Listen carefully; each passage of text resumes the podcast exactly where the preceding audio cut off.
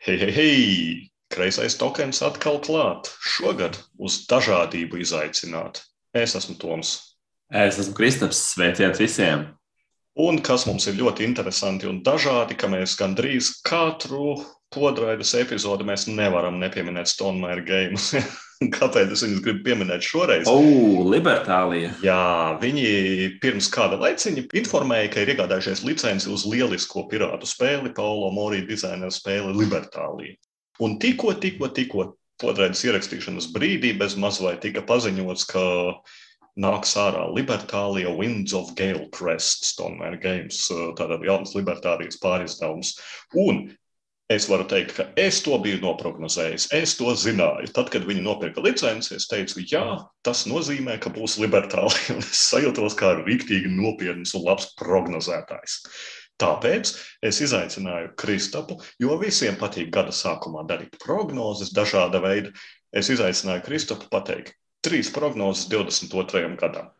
Katram no mums, vai tev bija viegli izdomāt? Man bija absolūti viegli. Es paņēmu truši ķepu, es paņēmu, nodedzināju kadiķu un viss atnāca. Izklausās pēc Kvaks of Quedlinburg. Es nodarboju pieredzi noderēju beidzot. Jā, nu, uh, ko tu esi noprognozējis? Kas tev liekas, ka 22. gadā notiks tavā dzīvē, galda spēļu pasaulē, Latvijā? Jā, jā kaut kur. Sākšu ar savējo. Personisko es prognozēju trijā, trijās līmeņos. Man atnāca nu, trušķēps, atnāca personiskais. Un personiskā prognoze ir tāda, ka es prognozēju, ka šī gadā būs nulle kickstarteri, kur man interesēs tik ļoti, lai es viņus nobekotu. Uh, nu, vai arī viņi nebūs tik ļoti neizdevīgi, vienkārši nav jēgas to darīt. Es paskatījos to statistiku, un pēdējais Kickstarter, ko pagājušā gada uh, februārī, un man liekas, ka šā, viss 2022. gads paliec arī bez neviena Kickstarter, gan shipping dēļ, gan visa. Uh, tas, man liekas, biznesa ir tāda pagātne. Man uz mēles vienkārši, man ir, man ir pilnīgi skaidrs, ka Kristaps jūs visus mēģina apčakarēt, un man ir tā skaitā, jo viņš šogad tikai GameFoundā pirksies, nevis Kickstarterī, vai ne? tieši tā, tieši tā. Jā, nu labi, ka ir GameFounds, vai ne? Mm. Jā, bet tas, protams, attiecās uz GameFound. Nu, protams. Ja kādreiz saka, šito tu vari mierīgi pierādīt, prognozēt, ja būs forši Kickstarter, piemēram, Libertālija par sakarīgām cenām. Libertālija par laimi Stonemairs vairs neiet Kickstarter. Jā, viņa prātīgi. Jā. Mana pirmā prognoze ir ļoti optimistiska, lai, lai kā būtu tā, ka paskatoties pa logu, paskatoties ziņās, viss liekas absolūti drūmi. Mana pirmā prognoze ir tā, ka 2022. gada laikā Latvijā notiks vismaz viena nometne, kurā es varēšu piedalīties. Vai tā būs Jālgavas galda spēļu nometne, vai tas būs Brain Games pasākums. Nu, es neceru uz Baltikonu atzimšanu ne jau, ne jau šajā vīrusu laikā, bet kaut kas šogad tomēr būs. Lai cik drūmi ir iesācies gads vīrusu izplatības ziņā, es ticu, ka šogad būs vien, vismaz viena nometne, kurā man izdosies aizbraukt un labi paspēlēt. No, nu, es ceru, ka tas piepildīsies. Ļoti, um, ļoti. Drīzāk nekā tava Kickstarter nepirkšana. jā. Uh, Man otrā prognoze ir par Latviju, un tā ir tāda, ka es prognozēju, ka šogad Latvijā parādīsies jauns satura veidotājs. Kā, kāds mums kreisais tokens podkāstos, kā ir Borgiem Kongēv, Hangovers vai influencer Instagramā. Es saku, ka būs vēl kāds jauns. Es nezinu, kurā kanālā, bet mēs Vai nu šausmināsimies par to, vai varbūt kreisē to, ka uzaicināsim sarunu un tā tālāk. Es noteikti tikai priecāšos, nevis šausmināšos. Jā, jā. jā. Laba, arī optimistiska prognoze. Ļoti, jā. Uh mhm. -huh. nu, mana otrā prognoze ir viltīga, jo 2022. saprotat, kāds viltīgs gads, cipariski zīmīgs. Mana otrā prognoze saucas divreiz pa 200. un divreiz pa 200 ir tas, ka pirmā prognozes daļa ir ka šogad es izspēlēšu mazāk par 200 spēlēm. Nevis atsevišķi, bet tieši partijām, nevis dažādām mm -hmm. spēlēm. E, jo, e, teiksim tā, mans pīķis ir bijis 17, 18 gads, kur es spēlēju 600, bez maz vai 21. gads bija smags kritums līdz 223, un es prognozēju, ka šis būs pirmais gads, kurā kopš es reģistrēju pilnus gadus, kad es būšu izspēlējis mazāk par 200 spēlēm. Un es pilnīgi saprotu tos, kas tagad jau skrien dedzināt manu formas tērpu, jāplēš no sienām nost manus plakātus un saka, tas jau nav nekāds kāds ietekmelis, ja, kas neizspēlē pustūkstoti. Yeah. Un, un, un mēs izsakām dziļu atvainošanos podraidas kreisie jaunie tēti vārdā, ja mēs solām laboties, bet vēl ne šogad. Un kāpēc es teicu divreiz pa 200? Mana otrā tātad šī sadaļa prognozē ļoti sakrīt ar Kristofa pirmo. Es prognozēju, ka šogad es neiztērēšu vairāk par 200 eiro spēlēm. Nu, tuvu, tuvu tam, vai ne? Un, un, un tuvojas jau pirmais lielais kārdinājums. Februāra beigās būs GameFounds 51st State Ultimate Edition uh, portāla gājumiem. Un, un man ir nelaba baila, ka viņi to cenu. Nu, es, es pat ceru, ka viņi to cenu uzraus tik augstu, ka, ka man neiznāks iegrābties šajā 200 limitā. Tā kā jā, man ir, man ir divreiz par 200. Es izspēlēšu mazāk par 200 spēlēm, un es iztērēšu mazāk par 200 eiro šogad. Jā, nu es ceru, ka man nebūs zem 200 spēlēm. Cerams, ka kādam no mums ir kaut kas arī jāspēlē un jārunā. Jā, jā, jā. Ok, man trešā ir arī tāda ļoti melnais zirdziņš prognozes par starptautiskiem jautājumiem. Un tā ir tāda, ka es paredzu, ka sāksies šī gadā jauna galdspēļu trendīga lieta. Vai nu tā būs tematika, vai nu kāda jauna mehānika, kam sekos. Un, pie, piemēram, pēdējās trendīgās lietas, kas bijušas, ir kaut vai dzīvnieku spēles visās malās, tematikā. Un mehānismā es teiktu, viena no pēdējām lietām ir Roland Wrights. Tas jau ir, tas bija pirms pārgājis. dzīvniekiem, jā. Jā, jā, bet tas ir dažādas lietas. Viens ir mehānikā, otrs Protams. Bet trendi viņi nāk līdzīgi viens pēc otra. Noteikti būs kaut kas trendīgs. Tas ir, tas ir pilnīgi skaidrs. Es jau tagad varu teikt, ka tava prognoze apstiprinās. Jā, bet mana trešā, runājot par izaicinājumiem un dažādību, jo es pašā epizodes sākumā teicu, ka mēs šogad izaicinām uz dažādību. Un es vēlos atsaukties uz manu provokāciju iepriekšējā prognozē, sakot, ka rekur dedziniet manus plakātus. Es nešaubos, ka ir daudz gameri, kas izspēlē to pustūkstoti partiju gadā, un, un viņi pērk jaunākās spēles.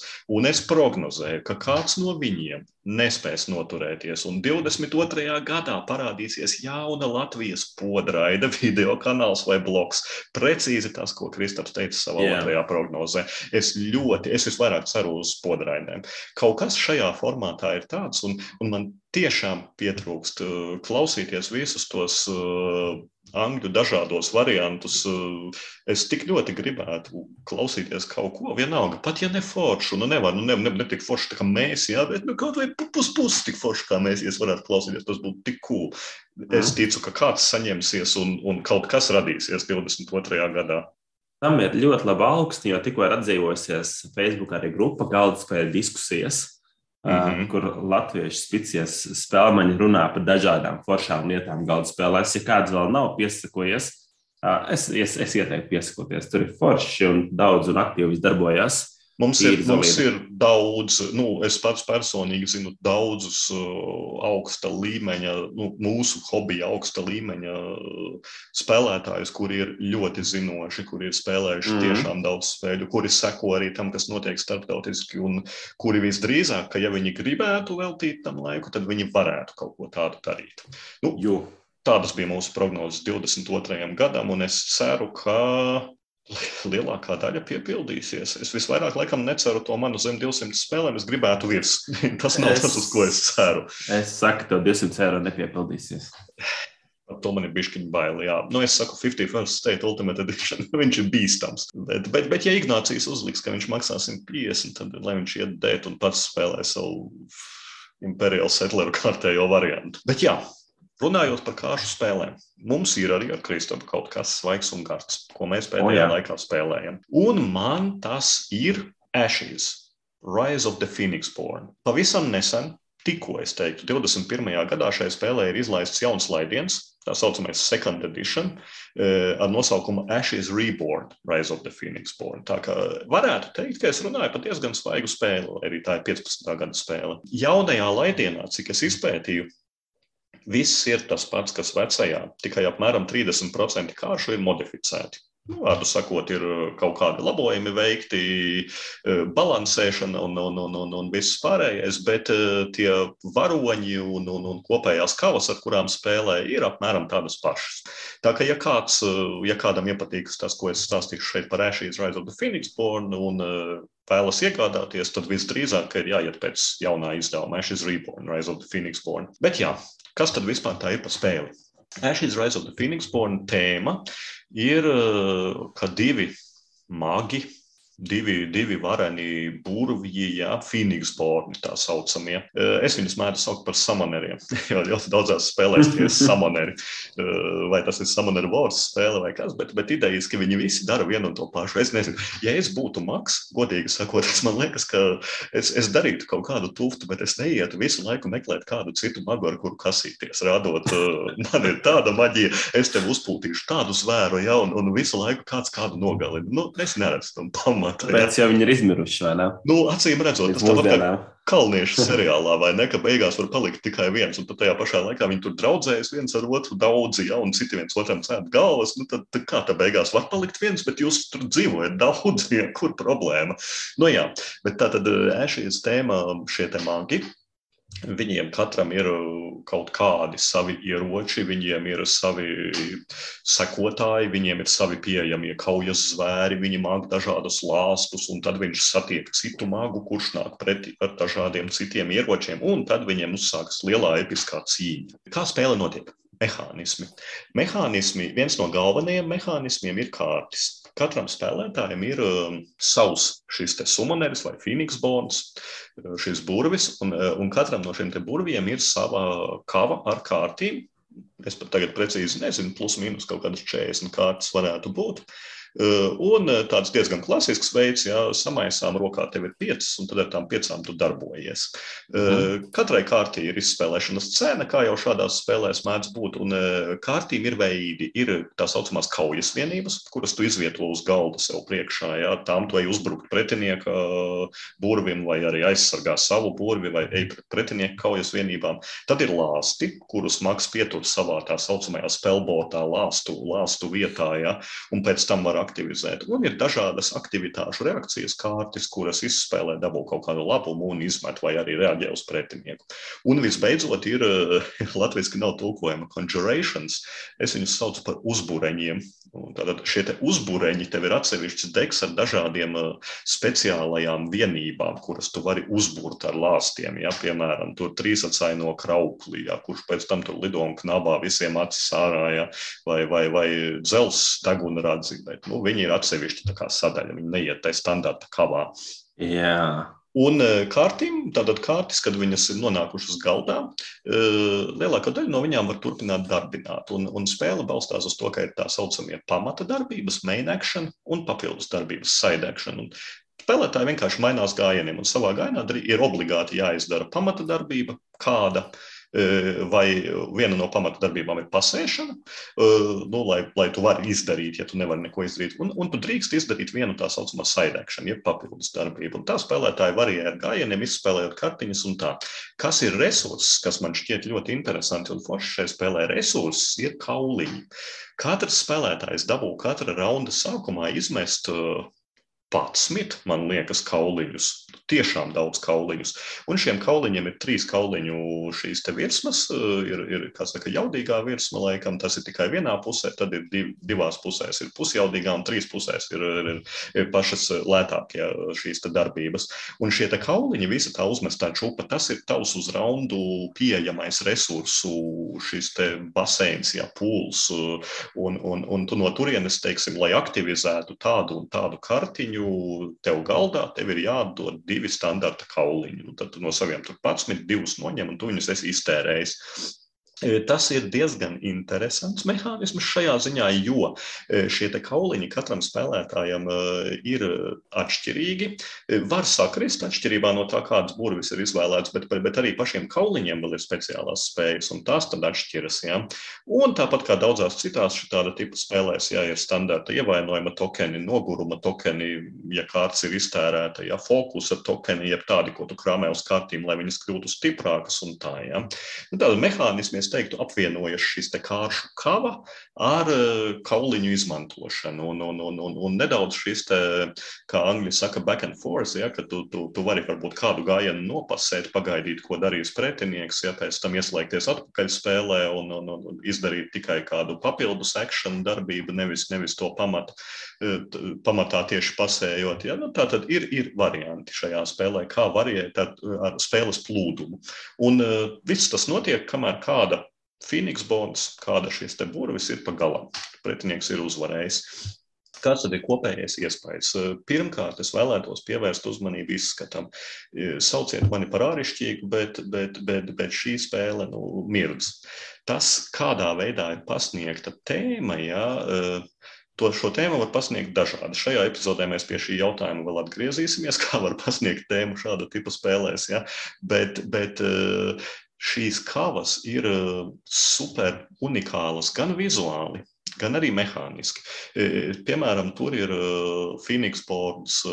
Vudu, Leļu, Orleānas, e, tur tante, kurai ir asins maģijas, viņai tur ir visādi sekotāji, kuri griež sev vēnas. Ja. Tajā pašā laikā tur var būt Phoenixports, tur Amerikas 18. gadsimta dāmītes ar kleitām, dejotājas, vai arī drūmie rūpnieki, strādnieki, kuri kaļ metāla degunražus, ja, un, un, un mētājas ar ankuriem, vai, vai Eģiptes stilā, vai arī meža gariņi, kur, kur uh, cīnīties nāk jaguāri un, un, un, un uh, meža dažādi mazie dīvainie kriteriji. Ja. Tiešām dažādība, par ko mēs šajā epizodē, tas kopējais, ko es saucu, ka tiešām šie vizuālais izskats ir, ir ļoti piestrādāts un tu jūties integrēts kopā ar to savu Phoenix boardu un nonāc tajā pasaulē bez maz vai jau balstoties uz vizuālo. Ja? Un, un, un turpinot par dažādību, ja, tad šis te variable player powers mehānisms jeb varoņi ar savām spējām. Viņiem katram ir unikālās kāršu kavas, viņiem katram ir unikāli kauliņu čupa. Ja? Um, un šī spēle ir spēlējama arī, es esmu spēlējis režīmā divi pret divi. Uh, tātad eh, šī vairāk spēlējamība, es teiktu, ir diezgan augstā līmenī, jo tu vari pamainīt uh, dažādus varoņus ar viņu kavām. Un, protams, ka kā jau parasti visās šitās spēlēs, es vienmēr tam atmetu ar roku, bet tu vari arī veidot standarta klasisko deckbuildingu, nevis Dominion, ala Dominion spēles laikā, bet tu vari sēdēt mājās, ja tev nav ko darīt, ja sēdēt pie plaukta un, un, un rakņāties pa visu varoņu kavām un deku. Jā, jā, mhm. jā. Es vienmēr šitam atveru roku. Man kas grib to darīt, lūdzu, dariet. Jā, bet tad atrodiet tādu pašu sev arī pretī. Jā, un vēl kas ir tāds diezgan forši partijas ilgums, jo nu, tāda, es teiktu, tā ir divu spēlētāju spēle. Jā, nu, ir režīms divi pret divi, bet, bet principā tā ir divu spēlētāju spēle. Un uh, divi zinoši spēlētāji, es teiktu, zem stundas var izspēlēt diezgan mierīgi. Kāds tad ir verdikts? Verdikts pirmkārt ir tas, ka visas šī, es joprojām uzstāju, ka visas šīs spēles ir mēģinājumi iekļūt pircēju maciņos ala Magic the Gathering. Ja? Mm. jo, nu, vistuvāk tiem panākumiem, laikam, galda spēļu vēsturē ir bijis Android Netrunner, ja? bet, bet, bet Finansiāli tas ir tādā attālumā, tā kā skudra, kas pasta salā Jaugavā sāk iet un grib aiziet uz domu baznīcu Rīgā. Magic the Gathering, man liekas, vēl joprojām vairāk kā visas citas spēles kopā ņemtas. Un, un um, Šis, šis arī noteikti Raizot Phoenix Planēšais nav bijis super finansiāli izdevīgs, bet nu, viņi tāpat viņi ir laiduši papildus pakas ar jauniem varoņiem, un viņi popularizē šīs te, kavas veidošanas iespējas pirms pārties un tā. Uh, bet kaut kas viņiem ir izdevies. Un es negribu būt virspusējs un teikt, ka tas ir tikai izskats. Ja? Nu, nu, nevar būt, ka tikai izskata dēļ tā spēle ir laba. E, man tiešām ir sajūta tā, ka. Tā, tā dažādība, mm, katram tam varonim savas, savas kārtas, kuras ir tiešām savādākas. Nu, Vispilgtāk man tiešām patīk šīs asins maģijas eh, vudu kārtas, ar kurām tu liec vudu lelles pretinieka laukuma pusē, kā viņa vienības, un tās viņam aizņem vietu un ņem nost dzīvības. Viņam ir jākaujas pašam pret sevi. Ja? Un tad tu liec savas kaujas vienības, un tu viņas nomērdē, lai pretinieka burvim rastos eh, jaunas, jauni ievainojumi. Ja? Un, un, eh, vai arī otrs variants šie meža zvēru, meža zvēru burvji, ja? Eh, kur, kur, kur tā galvenā Phoenix porne izsauc dažādus meža zvērus, kuru pamatā viņu uzdevums ir nogurdināt pretinieka vienības, padarīt viņas pēc iespējas ātrāk, ka viņas ir uh, exhausted. Jeb, uh, principā, viņas tajā gainā nevar darboties. Un katru reizi, kā nāk kaut kādas uh, šie zvēri laukumā, tā viņi exhaustoja, jāsaka, angliski kādu no pretinieka vienībām. Tā kā pilnīgi savādāk spēlē šie šīs te kavas katram varonim, un, un, un tas ir tas, ko es no šādas spēles gribu. Un es pieminēju Android Netrunneru tur jāatzīst, ka es to neieguvu. Jo, lai arī tur bija šīs atšķirības starp korporācijām un starp hakeru vienībām, bet tās atšķirības nebija tik lielas. Te es tās atšķirības izjūtu. Tāpēc kopumā es noteikti dodu ļoti pozitīvu vērtējumu Ashes Rise of the Phoenix. No šī tipa spēlēm, ko es esmu spēlējis, viņa noteikti ir labākā. Okay, tu jau minēji par um, četru spēlētāju versiju kā tādu. Tas bija viens, viens no maniem diviem jautājumiem, vai tas ir, vai nevajag muļķoties, spēlēt divu tā. Vai es teiktu, ka jā. tā. Jā, jā, jā. Bet otrs jautājums, šis, es šo, man liekas, kategorizēju kā spēlēm, kā dzīves stils spēles, kā tādas, kur tev ritīgi iedziļināties, un tev ir to otru spēlētāju un īsti. Man vienmēr tā problēma liekas šāda tipa spēlēm, kā viņa ieiestē kolekcijā, jo, ja Toms ir daudz spēlējis, tev ir kaut kāds pieredze, un tur tev ir forši dabūt līmeni ar Kristīnu kopā, piemēram, vai ne? Bet atnāk kādam no malas, tad vai šeit ir tā sajūta, ka atnāk kaut kāds cilvēks no malas, viņš no ok, tev ir jāiepazīstina, viņam tur būs neveiksmi, viņa tā pirmā spēle bezmazliet norakta. Kāds ir šeit? Grūti pateikt. Es domāju, ka tik traki nav. Jo viņa nav super sarežģīta. Tur ir teikt, tie kāršu veidi, tad, kad tā ir kaujas vienība, tad ir skaidrs, re, kur ir viņa dzīvības, re, kur ir viņa spēja, kur ir uzrakstīta, un re, kur ir viņa uzbrukuma vērtība. Ja, tas ir viss. Ja tev ir lāsts, tad tu zini, tu uzliec lāstu pie sevis. Uz lāsta ir rakstīts, ka tad, kad tu aktivizē šo lāstu, tad tu drīkst izdarīt to un to. Nezinu, pretiniekam noņemt vienu dzīvību. Ja. Arī ar to viss ir skaidrs. Lielākā daļa kartiņu ir tādas nu, pašas par sevi izskaidrojošas. Protams, ka kā jau jebkurā kartiņu spēlē, kur tev no pretinieka ir jāslēp kartiņas, e, tu nevari tā kā labā eiro, ja tu nevari mm paskaidrot pretiniekam, nu tagad tev varbūt būtu jādara tas un tas, vai arī viņš prasa konsultēt, jo nu, kas viņam ir kartiņās rokā.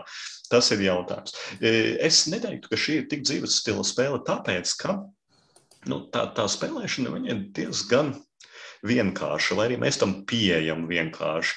Jo nu, uzdevums, ir, uzdevums ir super vienkāršs. Tur pretinieka Phoenix Bondam ir 20 dzīvības. Tev vajag viņas nodzīt nost. Lai viņas nodzītu nost, vai nu tu izspēlē kartiņas no rokas, kur ir pateikts, tu noņem pretinieka Phoenix Bondam dzīvības, vai arī tu uzliec galdā savas šīs kaujas vienības un ej virsū uz pretinieku Phoenix Bone. Uh mhm. -huh. Tas pamatprincips ir super vienkāršs. Un, jā, es nešaubos, ka visām šī tipa spēlēm, ja viņas spēlē vairāk un ilgāk, tad noteikti var uh, sasniegt augstu meistarības pakāpi. Bet, bet ir viens joks, ir viena problēma. Man plauktā ir 200 plus spēles, no kurām Jā. 100 es esmu gatavs spēlēt gandrīz jebkurā brīdī, kuras es tiešām uzskatu, jā, nu, super, fine, lieliski. Un visdrīzāk, ka es uh, tādu ēšīs, ja nu tur divreiz, trīsreiz gadā izvelku, un tad es esmu precīzi tādā pašā pozīcijā, kā jebkurš, kurš nāk no jauna. Nu, nav. Tas, tas nesaglabājas atmiņā, visa tā meistarība. Un vēl man liekas, tas izšķirošais šāda tipa spēlēm ir uh, terminoloģija, kā tā, nu, varbūt palīdzēs, kā ir šeit, vai šeit ir, piemēram, zilais jaguārs, un ko ir īpašā terminoloģija, kas rakstīts, ka viņš sāk ņurdēt. Jā. Tas ir, piemēram, murgaiņš šajās spēlēs. Šajā, jā, šajā spēlē tas ir nedaudz, bet ir noteikuma grāmatā ir lielisks eh, vārds, lieliska vārnīca glosarija, kuru, kur eh, parasti šīs vārnīcas ir baigais sots, jo tad tu atver to vārnīcu un tu secini, ka tas vārds, ko, ko tu redzi uz kārtas, tur nav. man tas ir vienmēr visās, kur, kur ir glosarija spēlēs, tad, kad tev ir jautājums, tu to aizēji, tur ir paskaidrots, ko nozīmē setup, vai nu, kaut kādas super primitīvas lietas, bet ko nozīmē blubulum, tas tur nav paskaidrots. Un jā, jā. šeit, šeit šeit glosarijā par laimi ir paskaidroti nu, visi blūmi, kas rodas. Tu vienkārši skaties uz savas kartiņas, tev tur ir teikts, tur uh, egzosts, tur to un to, tu, tu nesaproti, kas ir tas un tas. Tu paņem noteikumu grāmatai, izlasi divos teikumos, ah, nu, bet, protams, tā arī domāju. Tas palīdz, tas šeit ir labi atstrādāts. Un, ja tu galīgi nu, tiešām nesaproti, nu, paprasti pretiniekam, kurš lasīs noteikumus, jo, ja tu esi lasījis noteikumus, tad tas nesagādā problēmas. Nav, nav tik sarežģīta tā terminoloģija par laimi. Ok, izklausās rītīgi stilīgi un vismaz izskatās. Tas, ko es teicu, pa, pašķirstīju Borgingu, izskatās ļoti, ļoti uh, dažādi. Un, uh, Ārturs ir absolūti dzīvelīgs. Jā, nozīmīgi vizuāli burvīga spēle.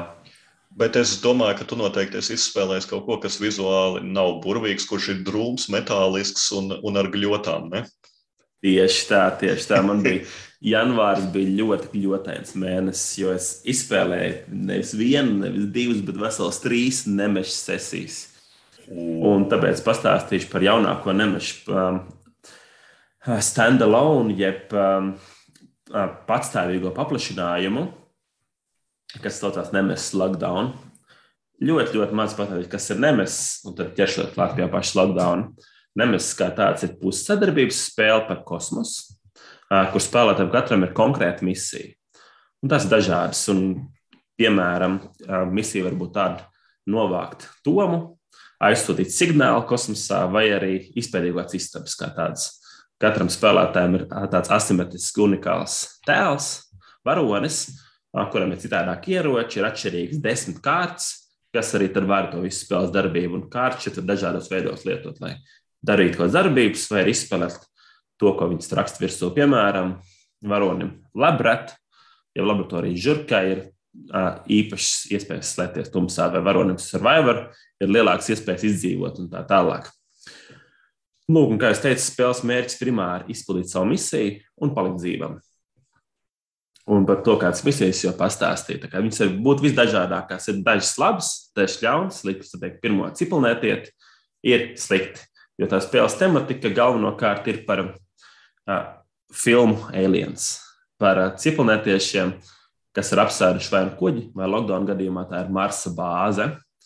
Nu, lūk, un spēle nāk ļoti, ļoti, ļoti, ļoti lielā kastē ar kaudu cipelnētiešu figūriņām, daudz dažādiem žetoniem, kārtīm. Un kopumā tā ir nemes diezgan izaicinoša sadarbības, ja precīzāk, pussadarbības spēle. Jo ne visi izdzīvo ļoti bieži, daļa aiziet bojā. Cits sapēt cipelnētieši, citreiz uzsprāgst Marsa bāze, citreiz tā nodeg, um, citreiz kompānija uh, tevi aizsūta kosmosā no tur, kur vajag un tā tālāk. Bet mana kopējā pieredze rāda, ka parasti uh, manās spēlēs viens vai divi spēlētāji arī uzvar, jo mērķis ir izdzīvot un izpildīt savu misiju.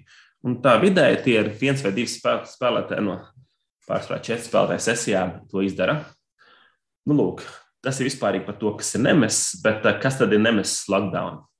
Kā jau minēju, nemesis lockdown ir pastāvīgais paplašinājums, kur spēlēt vienu pašu, vai arī jaukt kopā ar pamatspēli, kas vairāk vai mazāk netieši ir bāzēts šo cipelnētiešu žanru filmām kā tādām. Un, ja mēs skatītos nemešu DNS kodu, mēs redzētu, ka 70% ir uh, palikuši nemešu lockdown, uh, ir, ir palikuši no pār, parastā nemeša. 30% ir vakcīnas, nē, bet ir dažādas izmaiņas. Un dažas no tām izmaiņām ir gana būtiskas, kas, par ko es arī mazliet pastāstīšu. Um, un, protams, ka ir mazās lietas, uh, kā citādāki uh, rīki, priekšmeti, kārtas, citādāks, citādāk asimetriskie tēli ir citādākas istabas un tā tālāk, bet divas ir ļoti būtiskas atšķirības. atšķirības. Pirmā ir tā, ka ir ļoti interesanta spēlēšanas uh, fināla kondīcija, uh, kas iekļaut tādu patīkamu dedukciju. Un tagad nevajag sabiedrties, šī nav tāda dedukcija kā Excel dedukcija, kur priekš kaut ko izsvītro un tā tālāk. Šeit ir jādomā, jāsaka, ko citi cilvēki darījuši. Tad dedukcija strādā tā, ka uh, spēles beigās spēlētāji uzvar, ja viņi izdzīvo trīs variantos. Sēžot bunkurā, kur viņi aizbraukt, sēžot tādā speciālā izolācijas istabā, tā kā Lemberts cietumā šobrīd, un vai arī uzlidojot kosmosā ar atkritumu ar maisiem. Trīs varianti, kā izdzīvot. Kā tāds, bet ir viens lauciņš, nosacījums, kas ir aizklāts un ko mēs nezinām, ko tā tematiska kompānija izdarīs. Viņa var, tie lauciņi var būt rakstīts, ka kompānija novāks, piemēram, tos, kas ir aizlidojuši ar museriem kosmosā, vai arī varbūt rakstīs, ka kompānija visdraudzīga, vai arī to, kas ir bunkurā un tā tālāk. Tu nezini to gala, gala elementu, bet katram spēlētājam ir iedot viena šāds lauciņš. Tu vari apskatīties savu un deducēt, ka, ok, ja man rokās tas, kad ir um, aizies bojā tas, kas ir izolācijas kamerā, tad tas ir droši, tas nav tur. Un ir dažādas mehānikas, kā es varu paskatīties arī citiem spēlētājiem, kas ir viņu rokās, un varam vairāk pamainīt vairākus variantus, kas man ir droši. Un šis man ļoti patika. Tādā ziņā, ka man bija krietni nedrošāka uzvaras pozīcija, man bija jāskatās, ko citi dara, ko viņi fokusējās. un pēc tam jāmēģina deducēt, ok, šī dāma tēmē uz bunkuru. Iespējams, viņa kaut ko zina, var doties uz bunkuru. Vai arī jātērē laiks, lai uzzinātu šo papildus informāciju un būtu drošākam par to, kas bija ārkārtīgi, ārkārtīgi forši. Um, jā, bija spiests vairāk sekot uh, saviem uh, pārējiem spēlētājiem. Lūk, tā bija pirmā lielā mehānika, tāda, kas ir interesanta arī tādā sadarbības spēļu žanrā, manuprāt, un otrā. Un es teiktu, ka galvenā lieta ir apgaismojuma mehānika. Proti, spēles laukumā ir um, Marsa bāze ar trim stāviem un liftu, kur katram ir elektrības padeves slēdzes, un divos no sākuma viņam darbojas, divos nedarbojas. Un tā ir fundamentāla izmaiņa, jo tajos stāvos, kur ir elektrība, tur izdarīt vairāk, tur var iedarbināt dators, cipelnē tieši ir švakāki, redzēsim, viņi krietni bīstamāk, tumsāk un tā tālāk. Un, jā, tas ir interesanti, jo to ir forši slēgāt, bet šī, es teiktu, ļoti, ļoti mehāniski bīstama lieta. Un es īstenībā neesmu pārliecināts joprojām pēc tam pārredzēm, kā es par to jūtos. Jo no vienas puses ir aizraujoši, ka tumsā kā cīnās svešie un tu kādam var izslēgt to gaismu, padara viņus, uh, viņu situāciju bīstamāku, vai arī kā komanda mēs strādājam par to, lai gaismu ieslēgtu un pēc kāda laika gaisma slēdzās ārā. Un tā tālāk ir mehānika, tas ir forši, bet ir bīstami, tāpēc, ka Nemesī pastāv tāda ļoti liela galdspēja tabū tēma, kā spēlētāju jā, izslēgšana. Es neteikšu vārdu iznīcināšana, ne?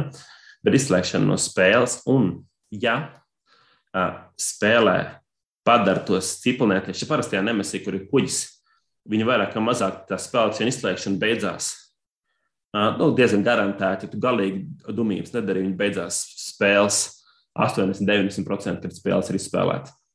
Kā tāda šeit, tumsa atturoties ir krietni bīstamāk, bet ciprunēties ir mazliet tas no pamatbāzes spēles, viņi vienkārši paliek vairāk, viņi paliek bīstami šeit viņi bīstam konkrētās vietās, un līdz ar to tas var notikt krietni ātrāk. Un mums šeit šī gadījumā bija pirmo reizi gadījums, ka spēlē spēlētājs izslēgts 40% spēles, apmēram, kas nebija forši. Tas tiešām bija neveiksmīgi. Jā, jāpiebilst, ka tā bija mana sieva un bija no mājas, nevis viesi, kas bija uh, ok. Bet joprojām tas bija apmēram, hm, teiktu, mazliet vairāk kā stundas spēles laika, kas tika atņemta šajā gadījumā viņai. Un taisnība man ir jāpabilst, ka viņa neskatās man kopā šausmu filmas. Un jūs varat iedomāties, ka pirmajā raundā ir cilvēks lien cauri šahtai. Tas neko labu nevar aizvest. Nē, viņa ir pati vainīga. Tur pat nav ko teikt. Nu, jā, jā, jā. Tu zini, ka šausmu filmās, tu, skatoties šausmu filmas, tu, tu vienmēr saki, nu, kur tu, kur tu budaks lietu. Nu, nevar, ap, nu, nevar. Apmēram tas, kas notika, un pēc tam viņš skraidīja tālu kā manieks un, un beigās uzdūrās skarliens. Tāds, tas, ne, es nevaru īsti pateikt, ka viņa neizprasīja savu likteni, bet parastajā nemesī pat vaiprātīgie cilvēki visticamāk viņiem nenotika tā, jo vienkārši tumsā kārtas, kas ir uzbrukuma kārtas, tev, piemēram, deklarē ar diviem ievainojumiem. Ja tev ir divi ievainojumi, tev ir kirdikt. Parastajā nemisī tādas vienkārši kārtas nav. Tumsām tas ir tev jāsavās trīs ievainojumi un tā tālāk. Tas ir ātrāk, tums ir bīstamāk un tas laika rāms ir problemātisks kā tāds. Un tas ir liels mīnus, manuprāt. Un, ja jums patīk tematiskās spēles, es noteikti rekomendētu pamatspēli par kuģi, kaut vai šī paša dēļ. Pat ja jums patīk labāk tēma par Marsa bāzi, es teiktu, tomēr ņemt pamatspēli kā tādu. Nu, jā, bet neskatoties uz šo mīnusu, es domāju, joprojām saglabāt savu arī lockdown, jo man ir abi divi šobrīd. Tas ir pamatīgi par daudz, kā normālam cilvēkam vajadzētu. Tas, principā, es paskatījos, ko pa iztērēt. Es iztērēju visu to šī gada budžetu. Pāri man liekas. Jā, ja pāri tas ir uh, tirgu par 300 eiro, man, man paveicās, ka savas Kickstarter daļas paņēma vēlreiz kaut ko pārdevu un tā mazliet nofinansēja. Bet jā, uh, un kāpēc? Nemesim ir trīs lietas, manuprāt, kāpēc um, arī viņš ir šobrīd 17. vietā Borgņģīkā, tematiskajā žanrā, un tā vieta, manuprāt, ir pelnīta. Un tās galvenās lietas ir tādas, pirmais ir stāsts kas veidojas nevis pēc uzrakstītā, kā ļoti daudziem um, Arkam, Eldričam un pārējām visām menšaniem. Tu vienkārši skaties un lasi, kas tev ir, kaut ko padara un atkal lasi, nemesī, tu nelasi. Tev stāsts veidojas pašā priekšā, tu ej, kaut kas notiek, viņš ir atšķirīgs. Um, tev nav jāiztēlots pēc teksta, ko tev kāds uzrakstīs, kas tev liekas neiedzīgs vai vāji rakstīts. Šeit to pārsvaru izdzīvo, tas ir, manuprāt, unikāla lieta, kas ir panākta. Otrā lieta ir tāda, ka priekš šāda tipa spēles ir daudz jēgpilnu lēmumu nepārtraukti. Tu izvēlies savu likteni, tu izvēlies vai vienkārši veids maz darbības, tu diezgan bieži esi spiests riskēt, pārorientēties, lai kādam palīdzētu. Un tad nav tā, ka tu vienkārši uzmet kauliņus un skaties, vai tev tests izpildījies vai neizpildījies. Tu pieņem lēmumus, lai rīkotos, nevis lēmumi tiek pieņemti tavā vietā. Uh, un tre, pēdējā lieta ir tāda, ka uh, ir forši, ja tev kāds to spēli māca tavā grupā, labi. Uh, šeit ir tas priekšrocība, ka nav tādas slepenas informācijas. Ja tu iemācies minimālo, kas misijās katrās, tad viss pārējais tiek atvērts, un tu ļoti ātri tiec pie spēlēšanas. Respektīvi, pirmie, es teiktu, šīs šai spēlē pirmie trīs raundi ir krietni ātrāk, sorry, krietni lēnāk nekā pēdējie trīs raundi, kas parasti ir otrādi visās spēlēs. Bet no manas pieredzes ir tā, ka mēs lēnām, mēs ļoti ātri sākam spēlēt. Tad mēs apgūsim dažas lielākas, viņi parādās, un beigās viss aiziet. Ļoti, ļoti forši. Un, jā, tā kā verdikts, verdikts tāds, nemēs lockdown ir ok. Kā tematisks paplašinājums viņam ir foršas idejas, kas ir riskants šajā gadījumā, kā tādas, un viņš noteikti, noteikti nav obligāti vajadzīgs pie pamatspēles kā tāds. Bet jā, tas ir nemesis Tāpēc, tāpēc viņš ir, kā saka, spēles cienītājiem, nu, e, savādāks, ar featurām, ja, modificēts. E, jā. Un, un, un, un, un tie, kam patīk nemesis, jā, nu, tad tiem arī šīs.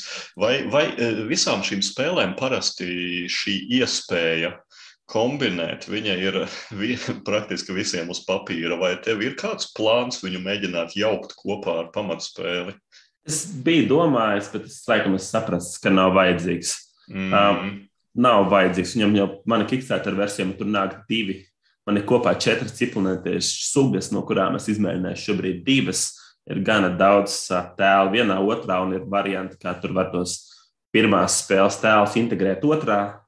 Otrajā variantā, diemžēl, to nevar izdarīt atpakaļ, atpakaļejošā virzienā. Un šobrīd man sajūta, ka tā, tas nav tas nav vajadzīgs. Vispār. Man arī bieži ir jūšana, ka dizaineri to piedāvā kā baigo feature, viņi uz to ir iztērējuši laiku, bet, un cilvēki saka, jā, tas ir lieliski, bet, bet mm. reti kurš to dara. Nu, vispār, jebkurai spēlē, kur to jā. pašu Last Will ar Prodigals klubu, ja, nu, ka tu vari salikt kopā, nu, kurš to ir darījis, nu, nopietni. Nu, ja kāds ir, tad komentējiet tiešām. Lūdzu, jā. Jā, Jā, vienīgais man vēl bija jautājums uh, par, to, par šo te, ka tur ir vairāki līmeņi, kāpnes, lifti, vai tas izskatās tā kā Braingames plānotais uh, Iron Forests, vai, vai tas ir tikai galvā iedomāti vairāki līmeņi? Zini, man, es, es domāju, ka viņš šeit mācījās no. Es domāju, ka poļiem, kas to izstrādāja, bija tāda doma kādā brīdī. Aha. Bet viņi mācījās no Burgle Brothers spēlēm kā tādām, ka nu, tie vairāk līmeņi bieži vien tādās kārtīgās Eiropas tematiskās spēlēs ir traucēklis. Protams, un tad viņi salika vienkārši, bet tā līmeņa forši strādā. Ir likts, kā tu vari aizbraukt ļoti ātri vis kaut kur, un tu vari vilkties pa kāpnēm. Pamatīgi, kur, kur noteikti tev ielais kaut kāds cipelnieties, kas vienmēr garantētā tumsā, tur viss ir slikti un tā tālāk. Un tev ir mm, sajūta tās trīs dažādas telpas, bet nav sajūta, ka tas būtu augšējais, tās vai apakšējais. Tas vispār Uh, tur neparādās. Un interesantāka lieta, gan ir, es neesmu spēlējis, bet ir iespēja otrā pusē ar Mars um, zonu, kur var iziet ār, ārā, pastaigāties. Mm. Tas, tas varētu būt rītīgi cool, un tas bija tas galvenais punkts, kāpēc arī to Kickstarter paņēmis. Viņi bija atteicies, un viņi parādīja vienā brīdī to Marsa zonu, kur iziet ārā pastaigāties. Okay. Okay. Bet sanāk, ka visa grupa, visi spēlētāji vienlaicīgi ir vienā stāvā. Nevar būt tā, ka katrs blandās pa savu stāvu. Var, var. Var, un te ir ļoti interesanti, ka tie ir dažādas vietas, kur sākam. Mēs sākām, pēdējais spēlēm bija divi pamatstāvā un divi citi trešajā stāvā. Un var landīties, kur tev sirds vēlas. Tas ir cool. Ja tev ir lifts, ja nav lifts, tev ļoti liels gabals jāiet kājām. Jā, nu, ar liftiem ir interesanti. Visur vienmēr īpaši alienu Mm, filmās. Jā. Arī Terminatorā lifts ir diezgan, diezgan laba, laba stēle. Nu, lec uz jumta kāds un dur ar nāzi cauri. E, un, un, un runājot par duršanu un visu pārējo, tas izklausās pēc tāda branga dueļa.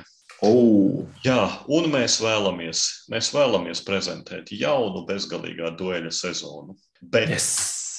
bet iesākot jauno bezgalīgā dueļa sezonu, svarīgi ir noteikumi. Jo man sāk kļūt skaidrība, ka mani līdzinējie pamatojumi, panākumi visdrīzāk viņus var pamatot ar kādu caurumu izmantošanu vecajos noteikumos. Ja? Tāpēc šogad mēs duelēsimies retāk. Tikai katrā otrajā epizodē. Ja? Un mēs Mm. duelēsimies izsmalcinātāk. Jo uzminēt spēli var kurš katrs. Ja? Dod tikai gana daudz jautājumus, un agrāk vai vēlāk viņš to spēli Mm. uzminēs. Mūsu gadījumā neuzminēs. Vai, nu, vai uzminēs pie 40? Jā. Mūsu ekspertu līmenī mēs tagad ejam uz absolūtu ekspertu līmeni. Mēs dosim tikai jēgpilnos uzdevumus. Kā šo? O, jā. Un runājot par noteikumiem, mēs noteicām noteikumus, un šodien mēs viens otram liksim uzminēt spēli, precīzi citējot noteikumu grāmatas fragmentus. Par katru nepieciešamo papildus jautājumu, sākot ar otro, spēlētājs iegūs 5 punktus. Un punkti, tāpat kā pirmajās divās bezgalībās dueļa sezonās, tas ir slikti. Punkti ir ļoti slikti. Tu gribi atbildēt, Kristap, uz maniem jautājumiem pēc iespējas ātrāk. Vai tu Jā. esi gatavs? Labi. Tad es noteikums. tev saukšu pirmo fragment no kādas spēles noteikumu grāmatas. Pirmais fragments - nepārtraukta šķaudīšana, jūtīgums pret saules gaismu, vēdera krampji. Uh, ha. Man gribās teikt, reiz, ka tie ir kvakera paplašinājumi. Es Baigi gribās ka teikt, tu varētu ka gribēt to teikt. Un es arī teikšu, ka tie ir vakar paplašinājumi. Nu, nē, tas ir lielisks minējums. Tur gan man liekas, ka ir tārps ausī un tā, bet principā tas, bija tas labs- ir tārps. Man liekas, ka bija tārps ausī un, un, un, un kas tur vēl. Bet jāatzīst, ka es pats neesmu spēlējis, esmu tikai papētījis. Uh, Tur bija Jā. vista, vistas deguns vai kas. E, nē, tie nav kvaki ar paplašinājumu, mm bet nu, šis bija viltīgs jautājums, lai tu domātu, ka tie ir kvaki ar paplašinājumu. Jā, jā, jā. Vēl man bija doma, ka Pasaka, kas, kas viņam par slimībām bija? kvakos, ā, vai Nē, šeit. nē, nē, tagad. Nepārtraukta šķaudīšana, Mhm. jūtīgums pret saules gaismu, vēdera krampji. Okay. Ah, tad tev nāk otrais. Otrais noteikumu grāmatas fragments. Strikts kāršu skaita limits ir astoņas kārtas. Tev nekad rokās nevar būt vairāk kā astoņas kārtas. Nu, bāc, šķaudīšana un astoņas kārtas. Tā, tā, tā, tā, tā, tā. Šis ir sarežģīti. Man uzreiz nāk prātā alķīmiķis, bet tas noteikti nebūs šai gadījumā. Es vienkārši neesmu spēlējis. Bet ar man, man būtu jāzina alķīmiķis. Hmm. Es domāju, ka tev nebūtu jāzina alķīmiķis. Vajadzētu, vajadzētu alķīmiķus zināt kādreiz, bet es domāju, Kādreiz jā, bet, bet, bet es nepieņemtu, ka tev tas būtu jāzina. Jā, tas gan varētu tā būt. Tā, tā, tā, tā, tā, tā, tā, tā, tā, tā, tā, tā, tā. No baigi iesāksies otrā sezona. Ar Bezgalīgiem dueliem astoņas kārtas un šķaudīšana un mocīšanās pamatīga. Hmm. Tā es minēšu, ka tā varētu būt kārša spēle. Tomēr, nu, labi, droši vien būs jāmēģina kaut ko vienkārši teikt, un domāt uz priekšu. Nu, labi. Lai notiek, tā ir brūms servis. Laba, laba, labs minējums. Bet nav, Nu, nav, tu- nav. Tu dabū pirmos piecus punktus. Tagad nāk tavs trešais Mhm. citāts. Tu liksi šīs kārtas sev priekšā, veidojot savu pilsētu. Spēlē ir divi kāršu tipi - radījumi, critters un konstrukcijas, constructions. Tavā pilsētā var būt vairākas kopijas vispārējām common kārtīm, bet tikai viena specifiska kopija katrai unikālajai kārtī. Nu, Pagaidiet, nu, kāda šķaudīšana man izklausās pēc citadelēm. Tas ir citadels. Nē, man liekas, ka citadelēs tu būvē konstrukcijas, bet kriteriji gan tur nav. Jā, jā, man kāršs skaits man liekas, ka varētu būt pareizs. Uh, astoņi, astoņas ēkas beidzināja spēli. Jā, jā, jā, bet te bija runa, ka strikts kāršu limits ir astoņas kārtas rokās. Jā.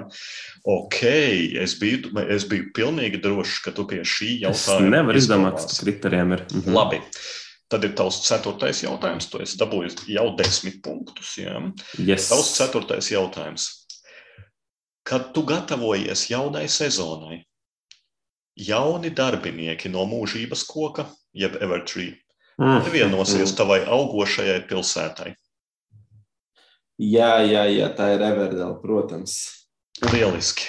Bet Lieliski. kas tur par šķaudīšanu notiek? Kas... nu, tas bija pirmais hints. Everdelas noteikuma grāmatā, līdzīgi kā čekgēmiem, ir daudz flavor teksta. Un tur ir ārsts, laikam šitais te dzeloņcūka, kurš raksta krupim, kuram sāp vēders un grāmatā ir smuki vēstule ar visu recepti. Un, un, un viņš raksta, kas krupim ir par slimībām, un ka krupis nedrīkst ēst saldumus. Un tā, un tas viss ir teksta formā, jā, bet, bet, bet tas ir flavor teksts. Tā kā tā šķaudīšana un jūtīgums pret saules gaismu, tas nebija par spēles mehānismiem.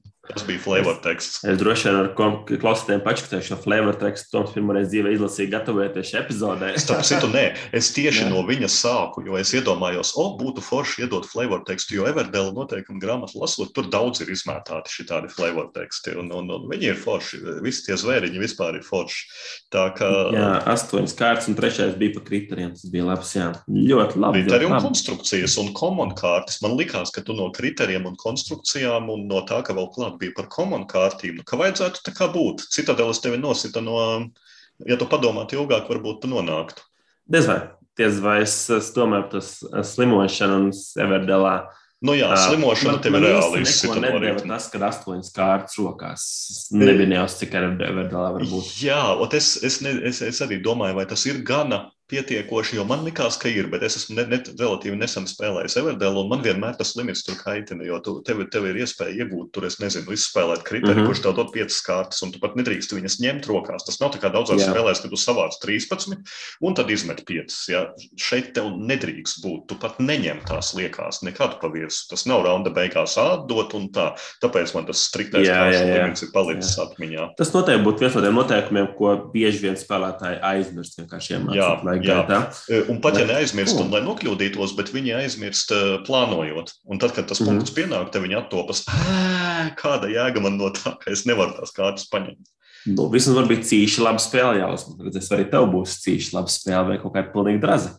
Redzēsim. Cerams, ka tas nebūs makroskops. Tad klausies. Tā. Astoņas kuģi žetons novieto virs spēles laukuma. Aha. Nē, nē, tas ir rīktīgi forši, ka to izdara. Oh. Astoņus kuģu žetonus. Kurā spēlē vispār ir kuģu žetoni? Kas tie vispār ir par kuģu žetoniem? Nu, man nāk prātā, un mēs viņu vienreiz kopā spēlējām. Nu, šausim uz dūlo, teikšu, ka tas ir Francis Streiks. Tas ir labs minējums. Man nav par tiem kuģu žetoniem tur, bet tas noteikti nav Francis Dreiks. Jā, nu, nu, jā nu, tas, nu, tas, tas ir pirmais. Jā, pirmais piecinieks man. Tātad tirgu pieejamās sarkanās kārtas jāizspēlē uzreiz, bet zilās kārtas var izspēlēt kā darbības kādā no turpmākajiem raundiem. Tātad sarkanās kārtas jāizspēlē uzreiz, bet zilās kārtas var izspēlēt kā darbības kādā no turpmākajiem raundiem. Aha. Bezjēdzīgs, kā tavs otrais. nē, nē, nē, šitais jau izk... šitais sāk vilkt kaut kur uz visiem uh, Garfield gēmiem un šiem Philipsiem. Kaut... Bet viņiem nav tur tādu kāršu. Hmm. Sarkanās kārtas, tu nopērc viņu, un viņa ir uzreiz akcents. Yes. Zilotu var tikai pēc tam izspēlēt.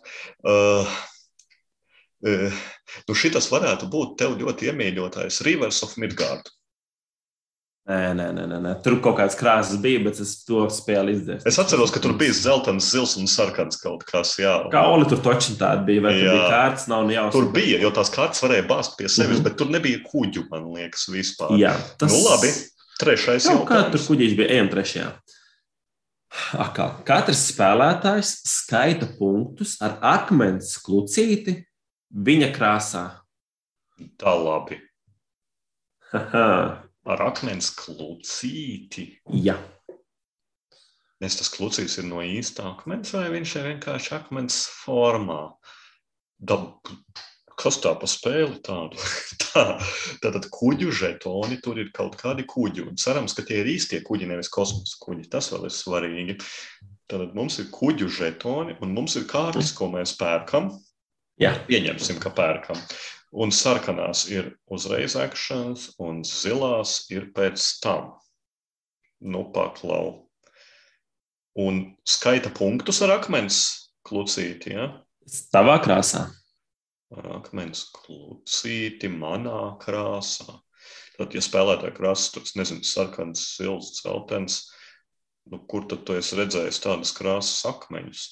Oh, oh, oh, nē, tas nevar būt man ienāca prātā bišķiņ kaut kādi I love Sky veidīgie, bet, bet arī tur nav, tur jau nav kāršu, tur ir lauciņi, kurus pērk, un tur arī, nē, nē, nē, nē sarkanas, zilas kārtis, nu gan, un akmens, ak, ar akmeni skaita punktus. Wow! Hm kuģu žetoni. Tu man nevarētu likt vēlreiz minēt kaut kādu Stone Age. Tur arī nav kuģu. Kur ir kuģi? Kur vispār ir kuģi? Tā es nespēlēju spēles ar kuģiem. Kuģu žetoni, akmens, klucīši punktu skaitīšanai un spēles, kur var nopirkt krāsas, kartiņas krāsās. Nav man variantu Voyages of Marco Polo. Lai arī es nav. Droši zinu, ka tas nav. Jā. Um, okay. Es ceru, ka pēdējais tev palīdzēs. Cerams. klausies, punktus no obeliska un apglabāšanas kambara, burial chamber, novērtēs spēles beigās. No piramīdām katru raundu. Piramīdas. Uh, vai tikai šitais te nebūs, jā, Imhotep? Tas ir imhotēps. Es viņas spēlēju tikai vienreiz, tāpēc man pareizi tur ir kuģu žetoni. Viņi Jā. ir un tu viņus piepildi ar visādu drāzu, un, un, un tad tu ved viņus pāri. Un akmentiņš savā krāsā, viņš nemaz viņš tas nīkulīgs, tas akmentiņš. Viņš ir pelēks, tumšāk, pelēks un brūns. jā, jā, smilšu krāsa un kas tur vēl. Patiesi, jā. Ir, ir, ir. ir. Interesanti, interesanti. Jā. Jā, šis bija grūti, šis bija rīktīgi grūti, bet nu, cienījams sākums 15, 15. Katram 15, no mums vajadzēja visus četrus. Jā. Duelis droši, un droši klausītāji var teikt, ka viņi pēc pirmā pateica, gribēju. Īpaši šķaudīšana un saules gaismu un vēdera krampus. Jā, jā, jā jo mēs ļoti ar to ļoti nežēlīgi bijām patiesībā. Mēs iedavām tāds pirmais jautājums. Tāds, nu, pirmais jautājums no, tam ir domāts, lai tu, ne, lai tu neizēji ar nulles punktiem. Nu, vajag taču kaut kādu jā, jā, jā, to, to bliezienu. Jā, ar nulles punktiem varbūt, ka iziesim citā duelī, redzēsim, kā mums ies. Mm -hmm. Bet eh, tie, kas parasti bieži vien iziet ar nulles punktiem, tie ir uh, sūdīgi testētāji. IT, IT nozarē, ja tu, ja tu esi labāks testētājs, ja tu atrodi vairāk kļūdas. Un, un, un man ir aizdomas, ka Kristaps grib mums padalīties kaut ko savā segmentā, dizainera darbgalds, un vai tikai tur nebūs kaut kas par testēšanu. O, jā, o, jā, tiešām ir atgriezies pēc ilgāka laika segments dizainera darba galds. Uh, Un viņš mazliet arī buksējās, jo es pa, pa, pagājušo gadu taisīju tikai un vienīgi izlaušanās istabas, kas nevienmēr ir attiecināms uz galda spēlēm, bet man izdevās pagājušajā gadā palaist trīs. Un līdz ar palaišanu ir tāda lieta kā testēšana. Un es daudz, daudz testēju cilvēkiem. Un es gribu šodien parunāties arī par testēšanu kā tādu. Un priekš testēšanas sev nodefinējis esmu piecus testēšanas principus ko ņemt vērā, un šodien es par viņiem arī pastāstīšu. Īpaši tas attiecas uz zināšanās istabām, bet patiesībā tas attiecas arī uz galda spēju testēšanu ļoti, ļoti daudz. Un pirmā lieta, pirmais princips numur viens. Testēšana nav nekad par testētajiem cilvēkiem, par testētajiem brīdī un par viņu pieredzi, bet par visiem, kas spēlē spēli pēc viņiem. Un man tā kļūda vienmēr bija, domāju, bācis, tagad testēšu, un kādam cilvēkam būs pieredze, tas ir nesmuki, tur kaut kas vēl neiet līdz galam. Un tas ir itīgi jāizņem ārā, ka tas ir pilnīgi vienalga, viņa pieredze, tu to uzreiz vari likt malā. Tu vari viņam arī pateikt, un patiesībā ļoti labi. Es, es pēdējā laikā arī tās cilvēkiem, kam es testēju, tā arī saku, ka šis ir par visiem cilvēkiem pēc jums. Izbaudiet to, ka jūs varat izbaudīt, bet pieņemiet, ka būs nepilnības kā tādas. Un tas ir jāsaprot. Tas nav par šiem cilvēkiem, bet cilvēkiem pēc tam. Pirmā testēšanas princips. Otrais, ko es arī sapratu laika gaitā, ir tas, ka nav jēgas no daudz saplānotiem testiem īsā laika periodā, kad nespēja neko izmainīt. Proti, sākumā, kad es testēju izdošanās sistēmu, man likās, ka super loģiski ir tagad paņemt sestdienu, saplānot piecas grupas, kas tagad izies stundas intervāliem. Un tad beigās, kad kāds viss beidzās, tu iztestē ar viņiem, viņi pieļāva visi vienas tās pašas kļūdas. Um, un tu beigās nosēdies visu dienu bezjēgā vienkārši. Līdz ar to, ja tu testē, tev jāmēģina to taisīt tādā spektrā, ko pats te vienu, iespējams, divas grupas ļoti bieži. Vajag pauzi, kad salabot, un atkal testēt. Un tāds cikliskums ir ļoti, ļoti svarīgs, jo citādi tiek zaudēts ārkārtīgi, ārkārtīgi daudz laika, saka no pieredzes. Um, trešais princips ir, ļauj, ir jāļauj primāri lietotājiem pašiem stāstīt par savu pieredzi. Un tikai tad iekļaut kāds struktūrēts jautājums par uzdevumiem vispār var. Tev būs pārsvarā skaidrs tā procesa kā tāda, jo līdz ko tu iekļauj struktūrēts jautājums, tu vari to visu testēšanas stāstu, bet tu gribi, lai tie cilvēki ir izspēlējuši, lai viņi no paša sākuma dotos savu pieredzi ar vienkāršu jautājumu, ok, pastāstiet par savu pieredzi. Tas ir izcils jautājums, un viņi sāk stāstīt. Ja tu prasīsi, kas viņam patika, vai kurš bija grūtākais uzdevums, viņus izsit no šī spektra, un viņi sāk runāt par dažādām lietām, nedod Dievs taisa visu kaut kāds uh, utopiskos ieteikumus, kā tāds, ar to nav jāsāk. Jāsāk pieredze. Visticamāk, tev kā dizainerim jau ir kaut kāda ideja, kā tādas, ko likt iekšā. Mans arī bieži ir bijis aplausiens, ka ir īpaši izlaušanas istabā tas tā raksturīgi ir, ka atšķirībā no galvaspējas testēšanas, galvaspējas testēšanā ļoti bieži pats spēlē un darbojas. Un runājot, izlaušanas istabā testēšanā tas strādā tā, cilvēku stundu ir darbojušies, runājuši, viņiem bija fun, un tu esi garlaicīgi viņiem skatījies, ko pierakstījis pienāca priekšā, to rīktīgi gribās runāties ar viņiem. Bet uh, ir jāļauj viņam turpināt stāstīt savu pieredzi. Ceturtais punkts. Uh, nekad neaizstāv savu spēli. Vēl viena problēma kā tāda ir, ka sāk dot kaut kādu no saiti, testēt cilvēki. Un saka, nu jā, bet man spēlē tur domāts tas, un jūs tur nesapratāt pareizi uzdevumu vai nepareizi izdarīt. Nē, nē, nē, tad jāsaprot, par ko tā testēšana ir tu nekad nevari aizstāvēt tos savus spēles, tos savus elementus, aizmirst to. Un piektais punkts ir vieglāk padarīt spēli vienkāršāku.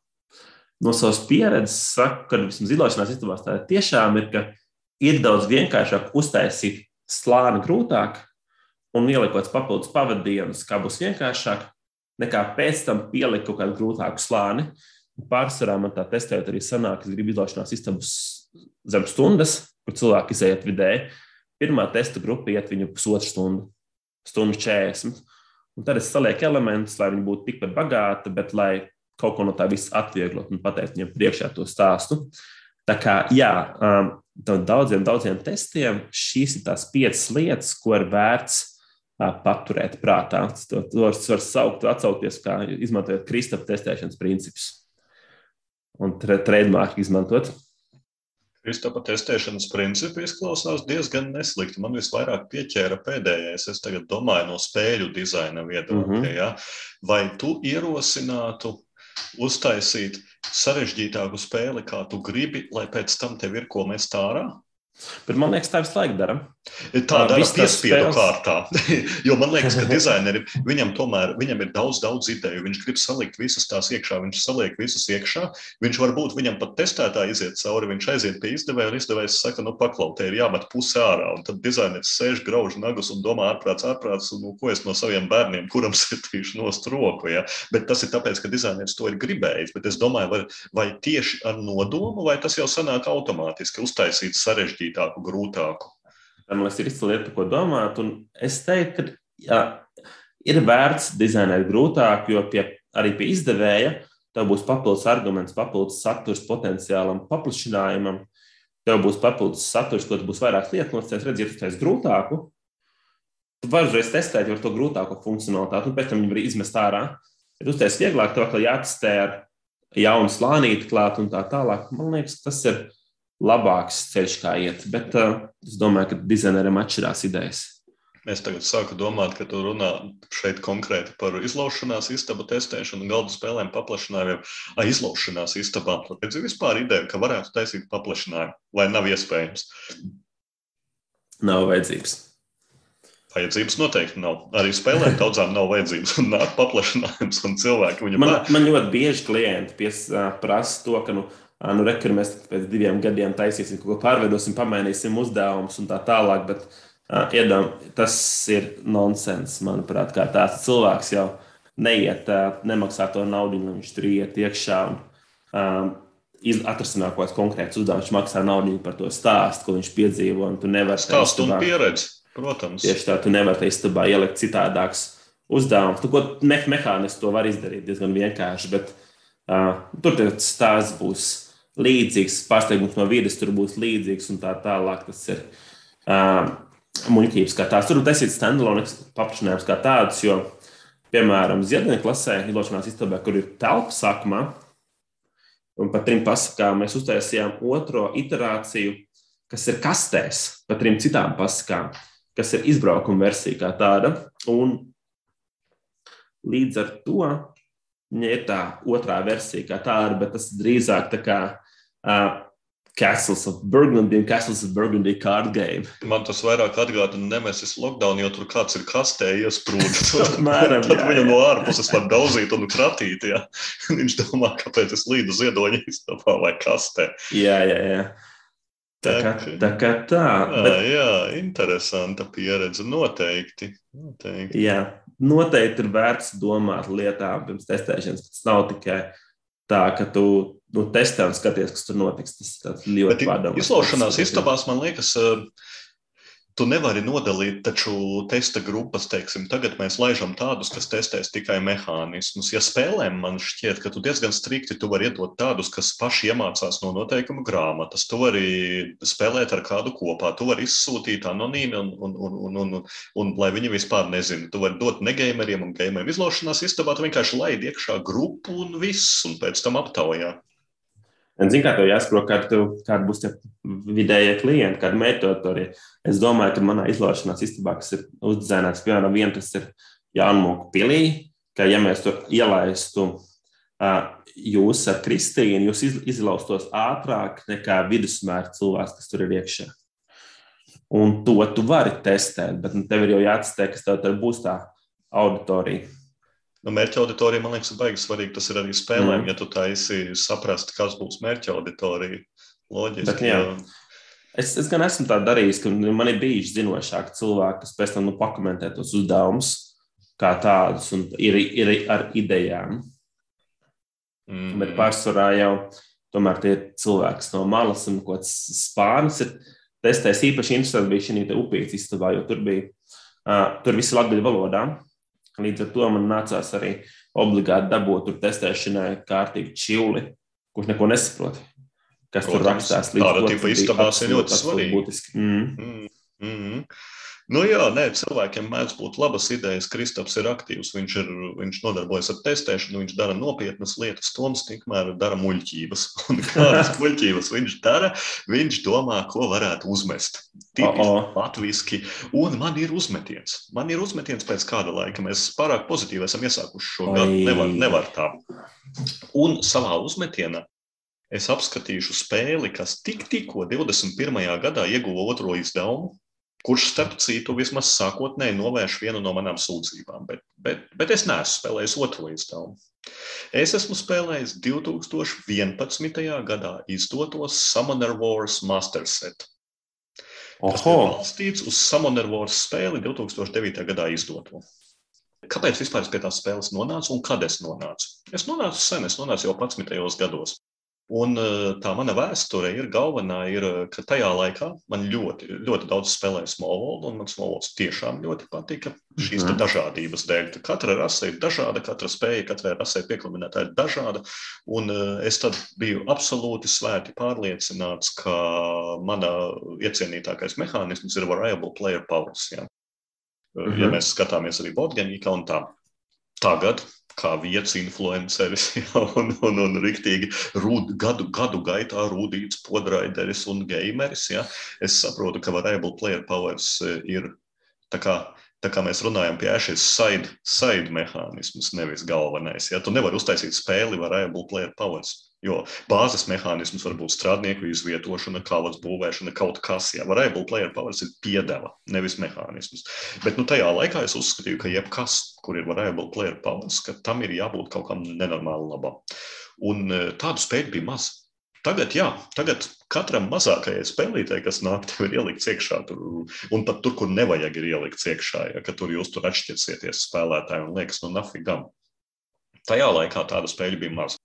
Un es biju ļoti, ļoti ar lielu, lielu gaidīšanu. Nu, jā, nu jāsaka, es, nevar, es nevaru atrast citu vārdu. Lai Latvijas Zinātņu akadēmija pasaka, ko lietot ekspektāciju vietā, ja, jo nu, visi latvieši ir pieraduši teikt ekspektāciju. Gaidas. Nu, nu kādas gaidas? Nu, labi, es biju gaidībās, ne, bet gaidās uz Samadarvos masterset, kad es viņu nopirku, un, es, un, un, un visi viņu bija slavējuši gan uh, rakstiskajos apskatos, kas tajā laikā bija vairāk, gan viss taistāvēs. Tomam Vasalam tā bija otrā visu laiku mīļākā spēle. Semam Hīlijam pieciniekā, Zijam, man liekas, ka desmitniekā. Ja? Nu, nu, nu, super, super mega spēle, ja, ko visi, kam nebija slinkums, slavēja, cik ļoti šī spēle ir dažāda un, un, un Tāpēc es to iegādājos. Tas bija jau sen, pirms kāda laika. Ja? Un kādas man tad bija pretenzijas pret šo spēli? Pirmā pretenzija ir absolūta figņa. Un pie tās jūs man nedrīkstat piesieties, jo es esmu spēlējis šo spēli pēdējo reizi neatceros, pirms gadiem, septiņiem varbūt. Ja? Un tas ir par uh, Ranged nu, attālā uzbrukuma mehānismu. Jo, kā jūs jau lielākā daļa klausītāju zina, ja ir tātad parasti cīnoties, ir šis melē kombats, stāvam viens otram pretī un dodam pa muti, vai arī ir ranged kombats, šaujam no attāluma. Ja? Un kāpēc man nepatika ranged šis te mehānisms Summoner Walls Master setā? Tad noteikums nosaka, ka tie, kas var šaut attālumā, viņi var šaut līdz trīs lauciņa attālumā. Viss kārtībā, vai ne? Un, jā, vai viņš šauj? Jā, viņš šauj. Un tajā pašā laikā kustības gājienā, kurš ir pirms uzbrukuma, tu vari pakustināt trīs vienības, katru pa diviem lauciņiem. Ko tas nozīmē? Tas nozīmē, ka man it kā ir mans, nezinu, elfs, kurš šauj trīs attālumā. Viņš nostājas trīs attālumā, viņš iešauj ar bultu pretiniekam. Pretinieku viņš nenošauj. Pretiniekam pienāk gājiens, Viņš paiet divus soļus un sadod manam elfam pa muti, un elfs ir pa galam. Jo parasti šīs uh, viņi ir vājāki, viņi nevar tik daudz uzsist, un viņiem ir mazāk dzīvību. Un, un man, man tik ļoti kaitināja, es gribu, nezinu, es gribu unreāli turnamentu. Tu vari uzkāpt augšā turnī, tu vari visus šaut nezināmos nīkuļus apakšā ar snaiperiem. Tas ir rangeri. Nevis uh, basically tas ir tas pats tāpat tūciņa, jo nākamā gainā tu dabūsi pamuti, ja tu nenošausi pretinieku. Un nošaut viņu ir grūti, jo rangeri kāpēc būtības vienmēr ir vājāki. Bet tas ir sīkums. Es saku, varbūt, ka es kļūdos, varbūt, ka kādās rasēs tas bija labots, jo samanērvoriem ir ļoti daudz rases. Un runājot par rasēm. Galvenais, kāpēc es to spēli nopirku, bija ne jau cīņa rangeru vai, vai, vai, vai melē, bet eh, šo dažādo rasu dēļ. Un te man ir piefiksēts tādiem lieliem burtiem, vai tiešām Nu, man vienalga, kuru rasi es spēlēju, man likās viss vairāk vai mazāk vienādi. Jā, vieni bija smilšu goblini, vieni tur varēja darīt kaut ko bišķiņu tā, bet tas spēles ritējums visām rasēm bija tik šausmīgi vienāds mehāniski.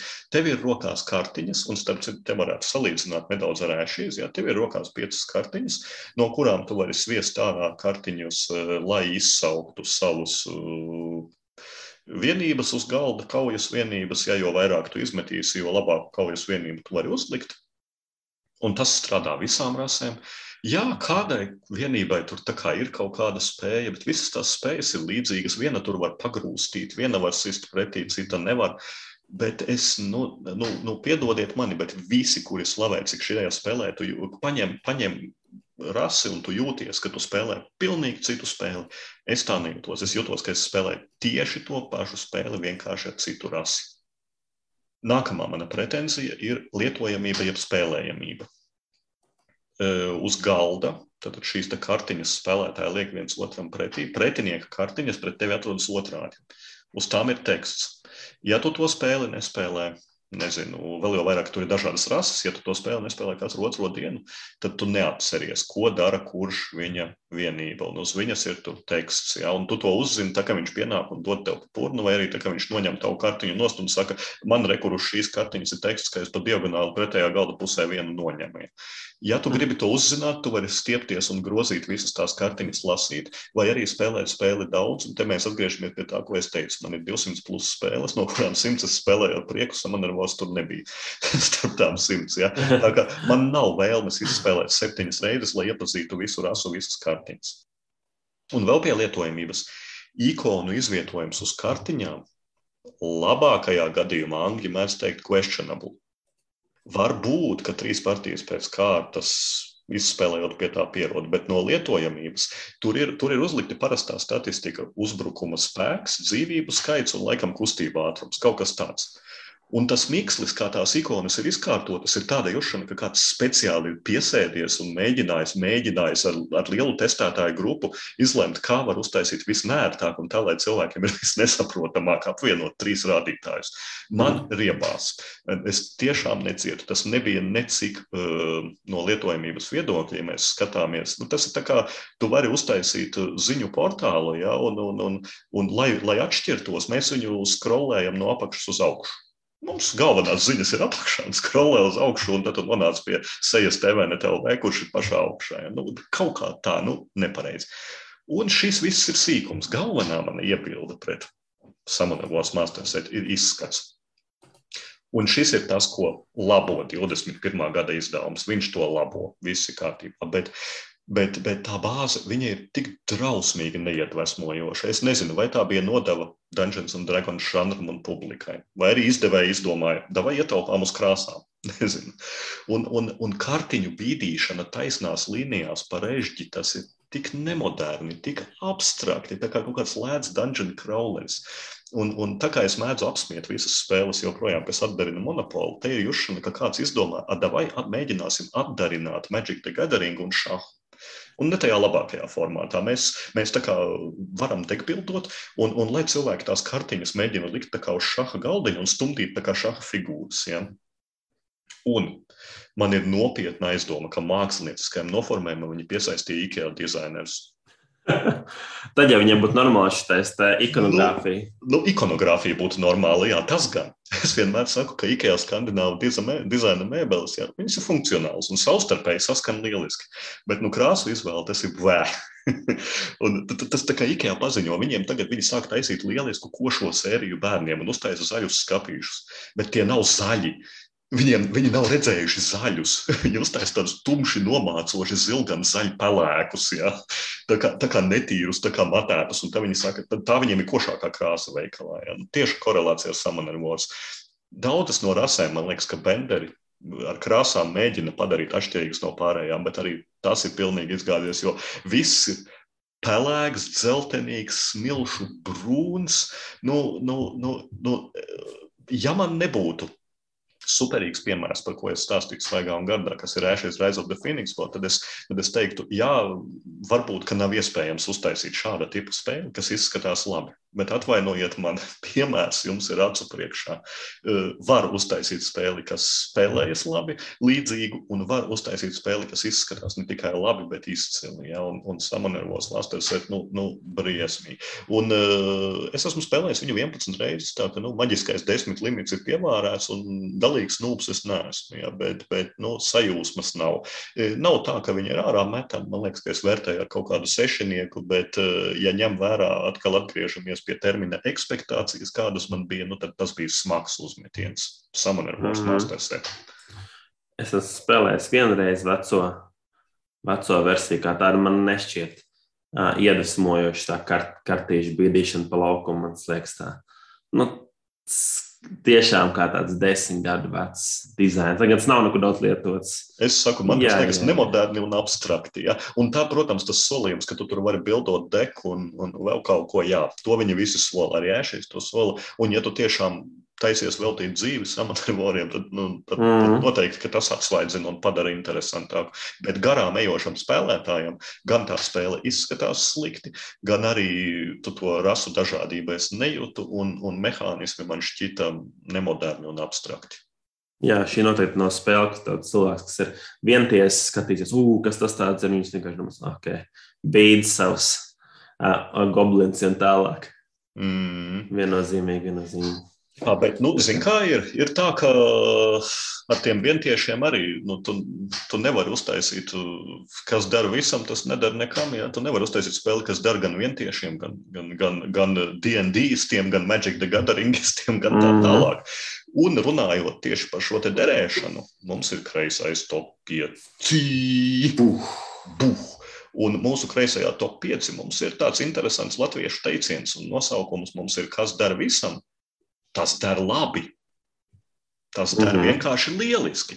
Un šodien mēs taisām top 5 par dažādi izmantojamajām kārtīm. Jeb angļiem ir tas termins multi-use cards. Un uh, es, kad sāku veidot šo topu, nu, man nebija viegli, jo es atklāju, ka daudzas spēles, kuras domāju, ka ir multi-use kārtas, patiesībā šīs kārtas netiek dažādi izmantojamas. Kā tev bija, Krista? Uh, jā, es piekrītu. Šis nebija viens no lielākajiem topiem. Galvenokārt tāpēc, ka arī šī nav viena no manām mīļākajām mehānikām. Man tas uzdara frustrāciju, tas ir dažādās kāršu lietošana, bet uh, bija izaicinoši un nācās rakties diezgan daudz. Jo, jo, jo ja skatās, nu, cilvēki domā, ka tur, tur kartiņa, uz kuras ir ļoti daudz, ka tas varētu būt multi-use, nezinu, terraforming Mars, bet viņa nav multi-use. Tā ir kārts, ko tu samaksā, nopērc, uzliec. Ja? Tu, tu, tu, tu nevari viņu pat izmest par naudu. Ja? Nu, RS ekspedīcijā tu vari izmest par naudu, laikam, tad, tad to es stāstīju nesen. Bet idejiski daudzas spēles, kuras ir balstītas uz kartiņām, šīs kartiņas nav dažādos veidos izmantojamas. Un, un ir arī tas, kad ļoti bieži spēles, kuras ir tā ir vairāk, vairāk, vairāk veidu izmantošana, ir tik garlaicīga, ka es, es to vienkārši neieskatu. Labs piemērs ir Brass, kas man liekas superīga spēle. Un tu vienmēr izspēlē to kārtu, bet nu, tas gal, galvenais iemesls tā tur būvēt konkrētā, konkrētā pilsētā, kas ir interesanti. Vai vienkārši nomest kārtā darīt kaut darbību. Tas pats ir arī nemesī kā tādā, kam arī tas multijūs kārts, bet tās opcijas ir tik nesalīdzināmas. Viena ir interesanta, otra garlaicīga, tas vienkārši es metu ārā. Jā, ir diezgan daudz spēles, kur kārtas var atdot par naudu vai vēl. Jā, nu tā, tas, tas arī principā tas ir multijūs, jā, bet nu, mēs, es vismaz mēģināju likt topā tādas, kur ir tas multijūs tiešām ir tāds, ka tev, oh, man tiešām ir jādomā, ko ar to kārti labāk darīt, jo varianti mm -hmm. ir. Vai tev ir kaut kādi pieminēšanas vērtie, izņemot brasu, ko tu jau pieminēji un nemes? Jā, es varu pieminēt Steampunk Rally kas ir foršs. Tur ir dažādas veids, kā to kārtu izmantot resursiem vai būvēt, un tu tiešām domā, kā viņi izmantos, bet tā, viņa neiekļūst topā. Un otrs ir Arnaka. Otrs ir Arnaka. Hmm. Galvenokārt ar Arnakā nu, tas izmantošana arī pārāk triviāli. Jā, Steampunk rallijas man arī bija padomā. Ja, kā, bet bet nu, tur arī tā izmantošana ir uh, divu veidu. Vai nu tu paņem resursus, vai tu būvē šo kārtu. Mm, ja. nu, tā, tas, tas nebija tāds padziļināts izmantojums, bet nu, jāatzīst, ka es nogrēkošu man. Arī topā būs tādas, kas izmantojamas divos veidos, bet bišķi interesantāk, kā paņemt resursus. Man pieminētie pieminēšanas vērtie ir. Nu, es, es paņēmu vienu, kurš man nav pieminēšanas vērts, bet paskaidrot konceptu tiem, kas varbūt, ja nu pēkšņi nezina Maltijas kārtas, jo koncepts nav vienkāršs. Manā topā šī spēle neiekļūtu, bet skaidrību radītu Seven Wonders. Jo Seven Wonderos tu vari nodraftēto kārti, tu vari likt sev priekšā, uzbūvēt. Vai tu vari bāzt viņu zem piramīdas, nu, zem sava brīnuma, ja, un būvēt brīnumu, vai arī tu vari izmest kārti par naudu. Tātad, principā, ir trīs izmantošanas veidi. Bet, nu, Seven Wonders ir, ir, tā ir drafta spēle, kur Maltijos kāds tas koncepts, es teiktu, ka viņš nejūtas baigi labs, bet tas ir tīri mm. piemēram, kā tas strādā. Mans īstais goda pieminējums ir uh, Raiders of City.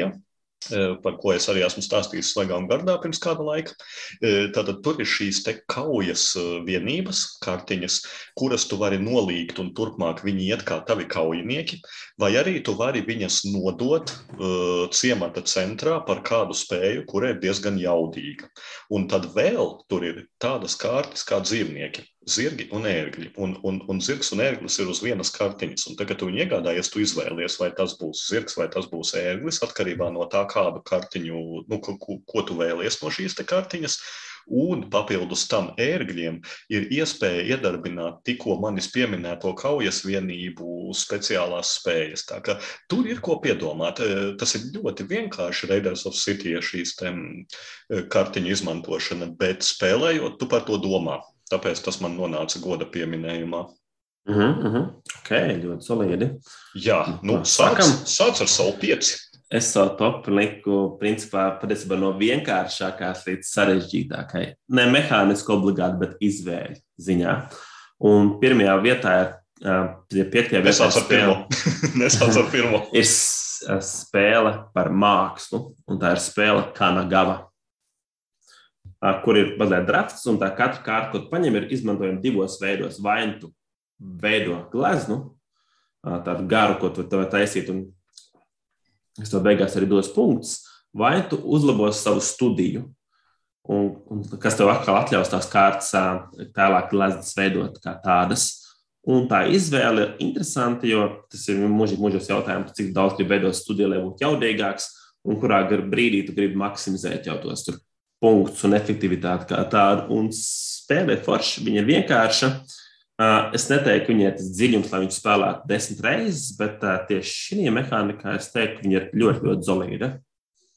Noteikti, un es nebiju iedomājies Kanagalu jāatzīst, bet tagad, kad to paskaidrot, jā, un šis ir, šis ir tas gadījums, ko es uzskatu par jēgpilnu lēmumu pieņemšanas. Mm. Ja tās ir tikai divas lietas, ko tu vari darīt ar kārti, bet tas nav izsviežu trīs kārtas par trim naudām.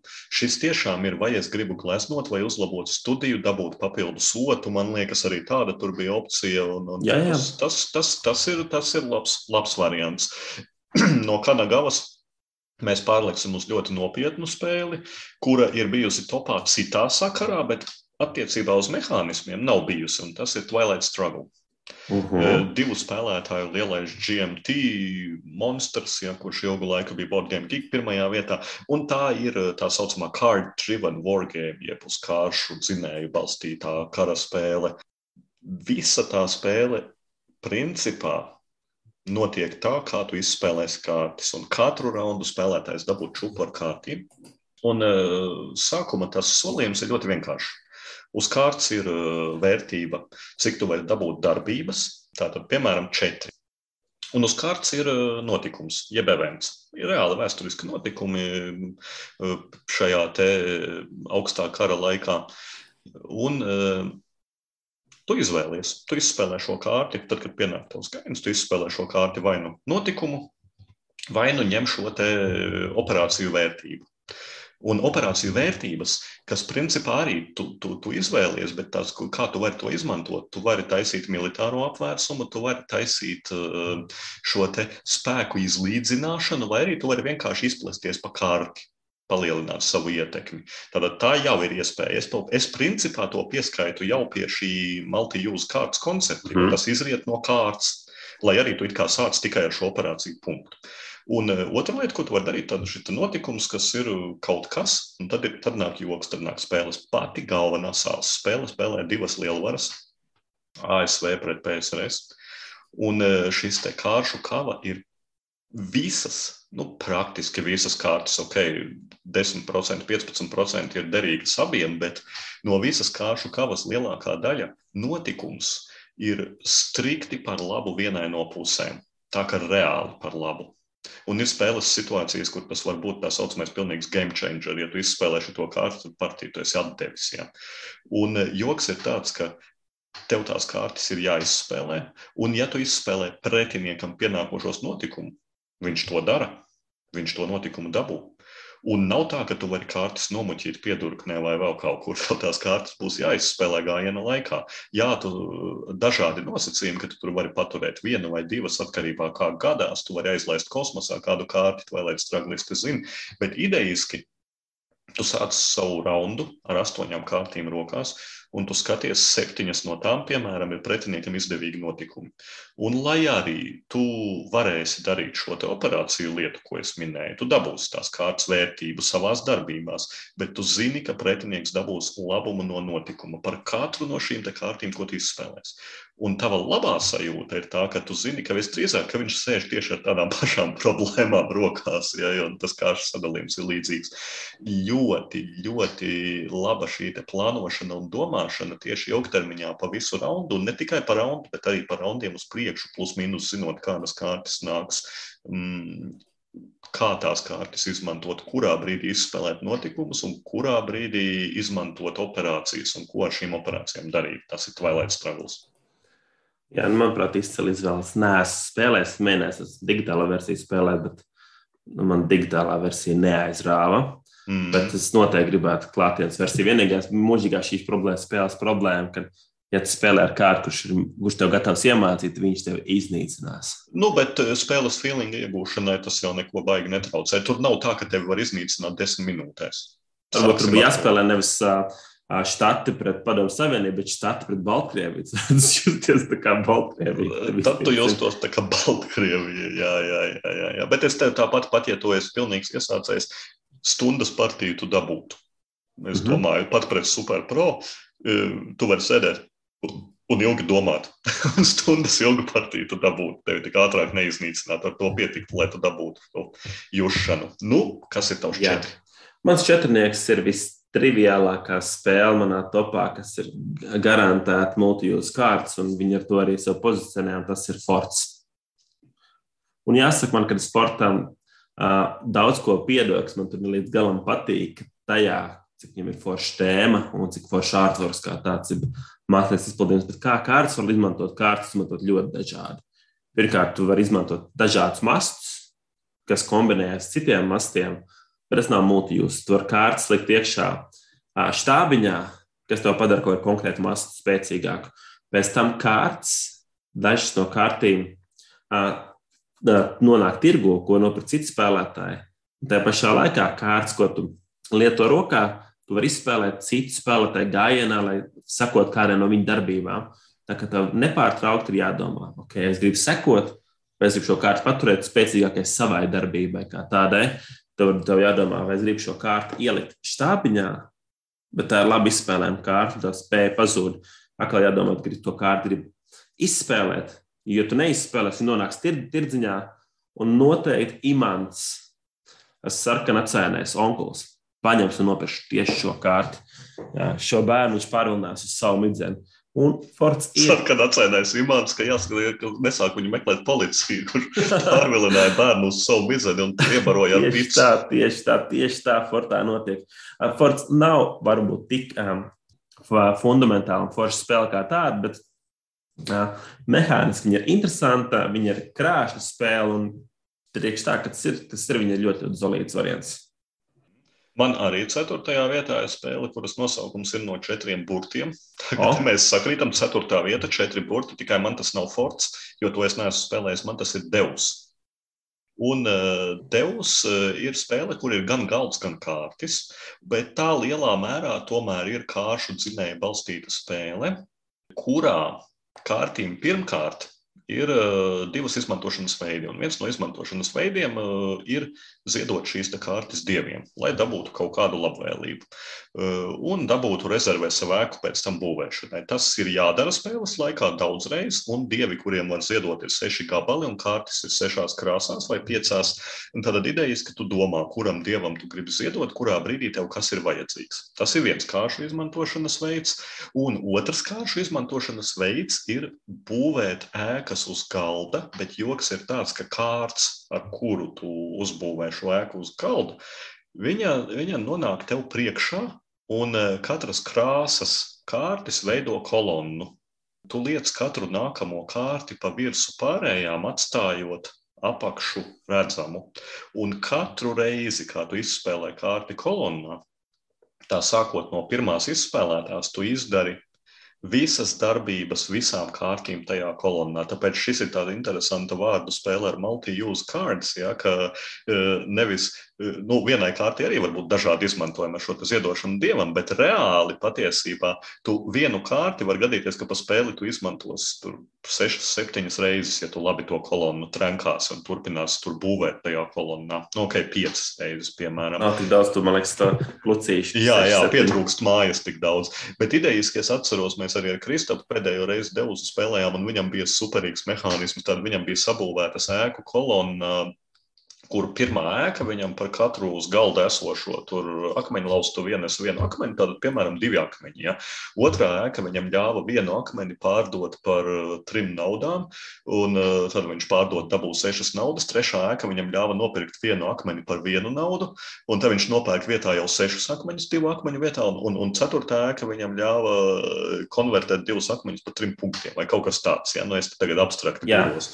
Bet idejiski šajā spēlē tu esi spējīgs no kārtīm izveidot šādu mehānismu, korekti būvējot un strādājot ar tām, un vairākus par šos mehānismus, jo tev ir reāli piecas kolonnas ar mehānismiem, un katrā kolonnā, kad tu būvē jaunu kārti, tu iedarbini visas kārtas, un Maltijūs šeit strādā, es pat teiktu, vairāk nevis tam, ko tu tur ziedot dieviem, bet Maltijūs strādā tajā veidā, ka tu domā, kādā veidā tu kuru kārtu iedarbināsi vairākas reizes un cik tas tev būs izdevīgi. Tas ir devs.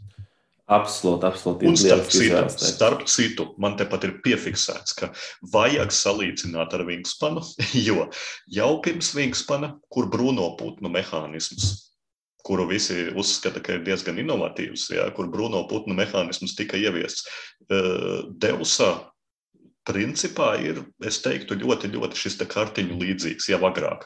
Kad tu iz, izspēlē visas kartiņas, vingspanā tu aizēji un, un, un ceni atpakaļ un aktivizē katru brūno putnu, ja Deusā tu aktivizē katru kartiņu kolonnā. Mm -hmm. Daudzus gadus pirms vingspana šis mehānisms jau bija.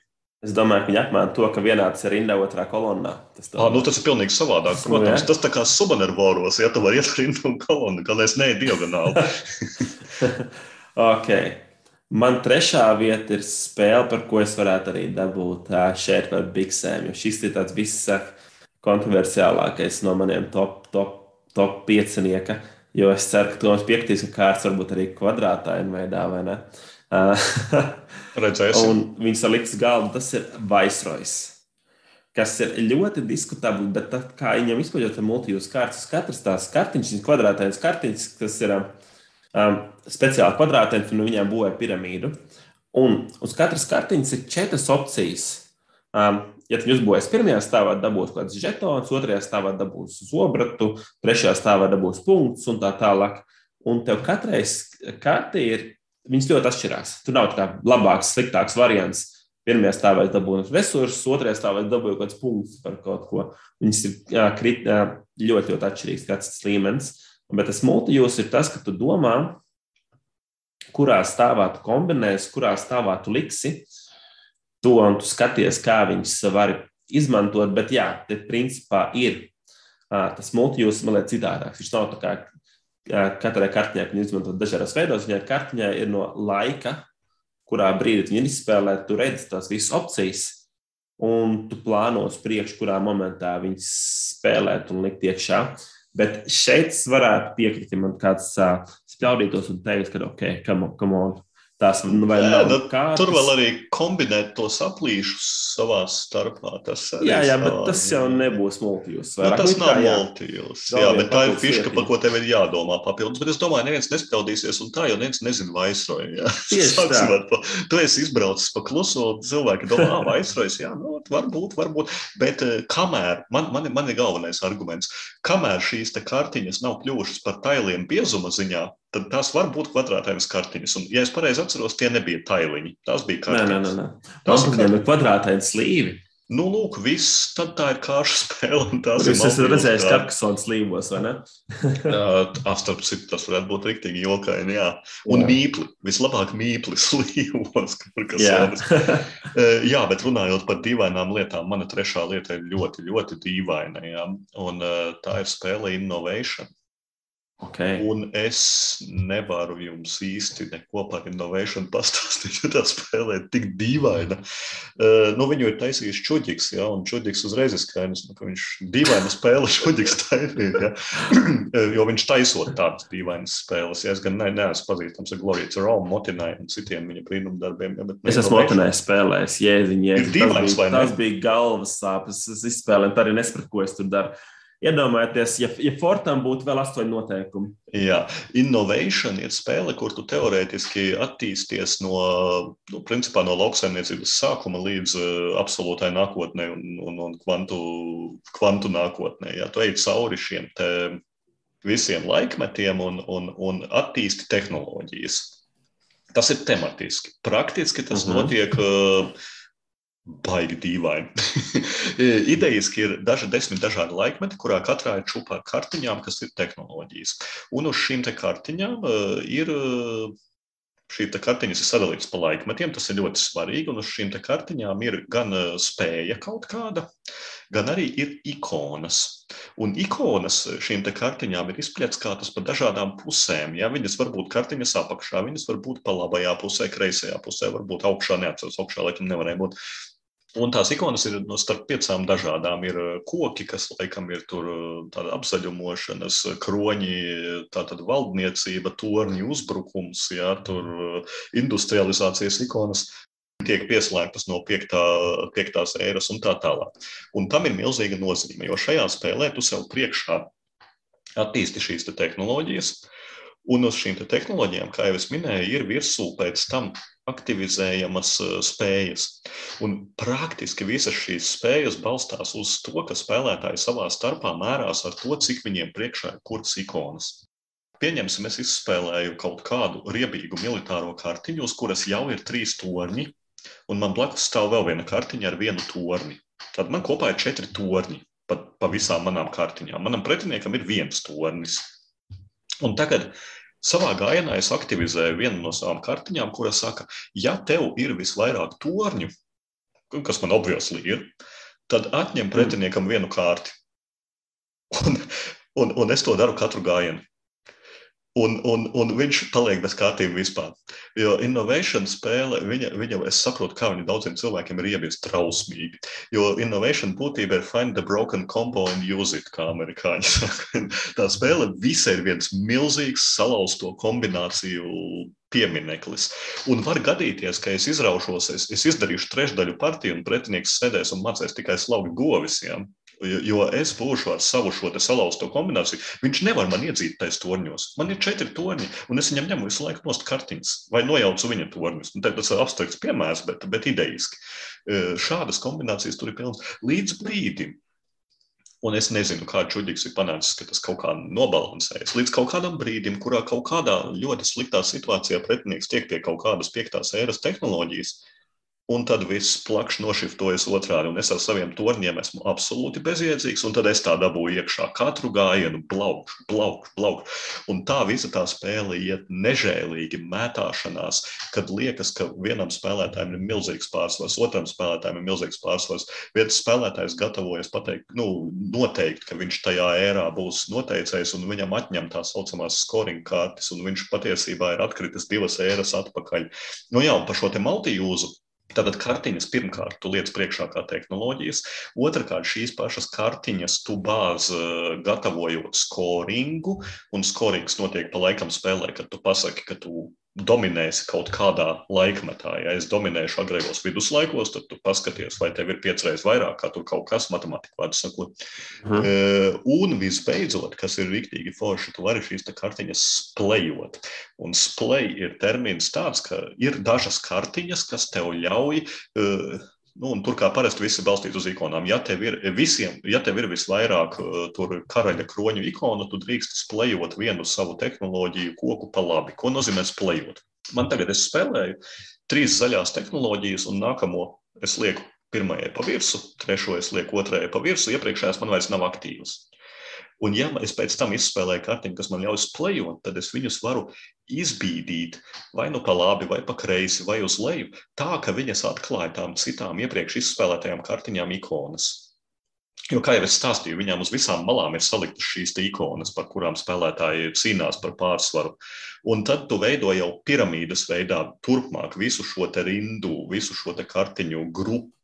Un tev jau ir vairāk ikonu. Ja standartā uz vienas kartiņas tev ir, nezinu, tur trīs ikonas, ja tev ir izdevies izsplējot, tad tev var būt, piemēram, uzreiz trīs ikonu vietā sešas ikonas. Un pēc tam tu, tu turpini spēlēt kartiņas, un pēc tam tev ir astoņas ikonas. Nu, ļoti čuķīga un dīvaina spēle bet uh, tā mahinācija ar kārtīm ir sasodīta dīvaina, un es pilnīgi saprotu tos, kam šī spēle ir iebies. Un es teiktu, ka tādi, kas ir izspēlējuši pirmo partiju un nav tikuši tālāk no lauksaimniecības eidža un dabūjuši smagi pat Dubois, ja, nu, viņi to spēli negribēs redzēt nekad vairs. Ja. Es kaut kā pieņemu viņu labdabīgi, un, uh, un, un man patīk. Tas ir innovation. Okay. Man vēl no šīs spēles neesmu spēlējis. Man liekas, tas varētu būt tāds mok, mokpilns pasākums. Viņš es brīžiem, to, brīžiem viņš tā jūtas, jā, bet tad, kad tu uzķer to savu dzinēju, tad tu kādu brīdi esi rīktīgi zirgā, dažreiz burtiski nu, spēles ziņā, burtiski, ka tur es ieviesu kaut kādu jāšanu. Ja? Un, un pēc, bet, bet ir jāsaprot, ka tu pēc tam kritīsi nost, un tad būs otra spēlētāja laiks, izņemot, ja tu būsi paspējis pabeigt spēli. Okay. Labi. Man otrā vieta ir spēle, kas šeit šodien tika pieminēta, un tā ir absolūti forša spēle. Manuprāt, šī kā ar dažādības jomā, tas ir Devs. tas ir viennozīmīgi Devs. Un, uh, lai mazliet paspildinātu to stāstīto tās izvēli, ir super smagi. Tev ir piecas kārtas, ar kurām tu jau esi izdomājis savu labu dzinēju, bet pusdaļa no mehānikas ir pareizajā brīdī nomest kārtas. Izvēlē, jo, ja es nometīšu četras kārtas, ko ar konkrētu labumu viņi varēs dabūt četras reizes, nometīšu vienu kārtu tikai, viņi varēs dabūt tikai vienu reizi, un tas kombinācijā ar to, ko Toms jau teica par kā ar kolonnām, kas aktivizējās mehānikām, kas tur strādā kopā, ir absolūti, absolūti lieliski. Un daudz negribu pieminēt tikai to, ka, ja grib pamēģināt ar borgiem arīnā, viņi var gana forši uzspēlēt kādreiz. Un gatavoties topam, arī atcerējos, un nesen šodien uzspēlējām, jā, tā ir absolūti forša spēle, kas ir tāda mazāk zināma, droši vien saudabīgo spēles laukumu lauciņu noformējumu dēļ, es teiktu. Man patīk, normāls krāsains. Man ļoti patīk arī. Nu, mm. Notikās sabanirvokos. Jā, un, un, un, un, un Devsam tiešām pareizi. Kristaps saka, šī ziedošana dieviem, ka tur ir svarīgi, cik tu ziedo un kādu skaitu, un tu dabūji aizvien lielāku labumu. Ja, bet tās kārtas tā kā grib paturēt. Un, jā, jā, ļoti, ļoti labs variants. Mana otrā vieta ir spēle The New Era kas labāk cilvēkiem ir pazīstams kā 51st State, kas pēc tam pārdzima 51st State Master Editionam, un kā mēs zinām, drīz, kā jau es minēju, būs Ultimate Edition, un pa vidu bija Imperial Settlers, kas ir tas pats 51st State, bet ar uh, citu tematiku. Vārdu sakot, portugāļiem. Emperors of the North. Tas ir cits. Nē, tas ir, viņš ir savādāks. Bet, nu jā, viņš mm. arī ir novirziens, protams, visam jā. šim dzinējam. Bet, principā, manā gadījumā tā ir New Era. Eh, kas ir uzlabots pirmā 51st State variants. Un eh, šī ir lieliska tematiska spēle par postapokaliptisko pasauli, kur dažādi, dažādas bandas ja, mēģina nodrošināt kontroli pār reģionu. Eh, kartiņas izskatās lieliski, man tiešām patīk mākslinieckais noformējums, bet tā galvenā doma šim dažādai izmantošanai ir tāda, ka Jā, spēlē daudz arī citi resursi, ir ieroči, ir benzīns. Nu, principā tās lietas, ko vienmēr cilvēki iedomājas, kad būs apakālips, kas būs vajadzīgs. Un visdrīzāk viņiem būs taisnība. Tie būs ieroči, benzīns un eh, kaut kādi materiāli. Jā. Nu, pārtika laikam šeit nebija aktuāla, bet nu, idejas, ka droši vien ka arī pārtika būtu svarīga.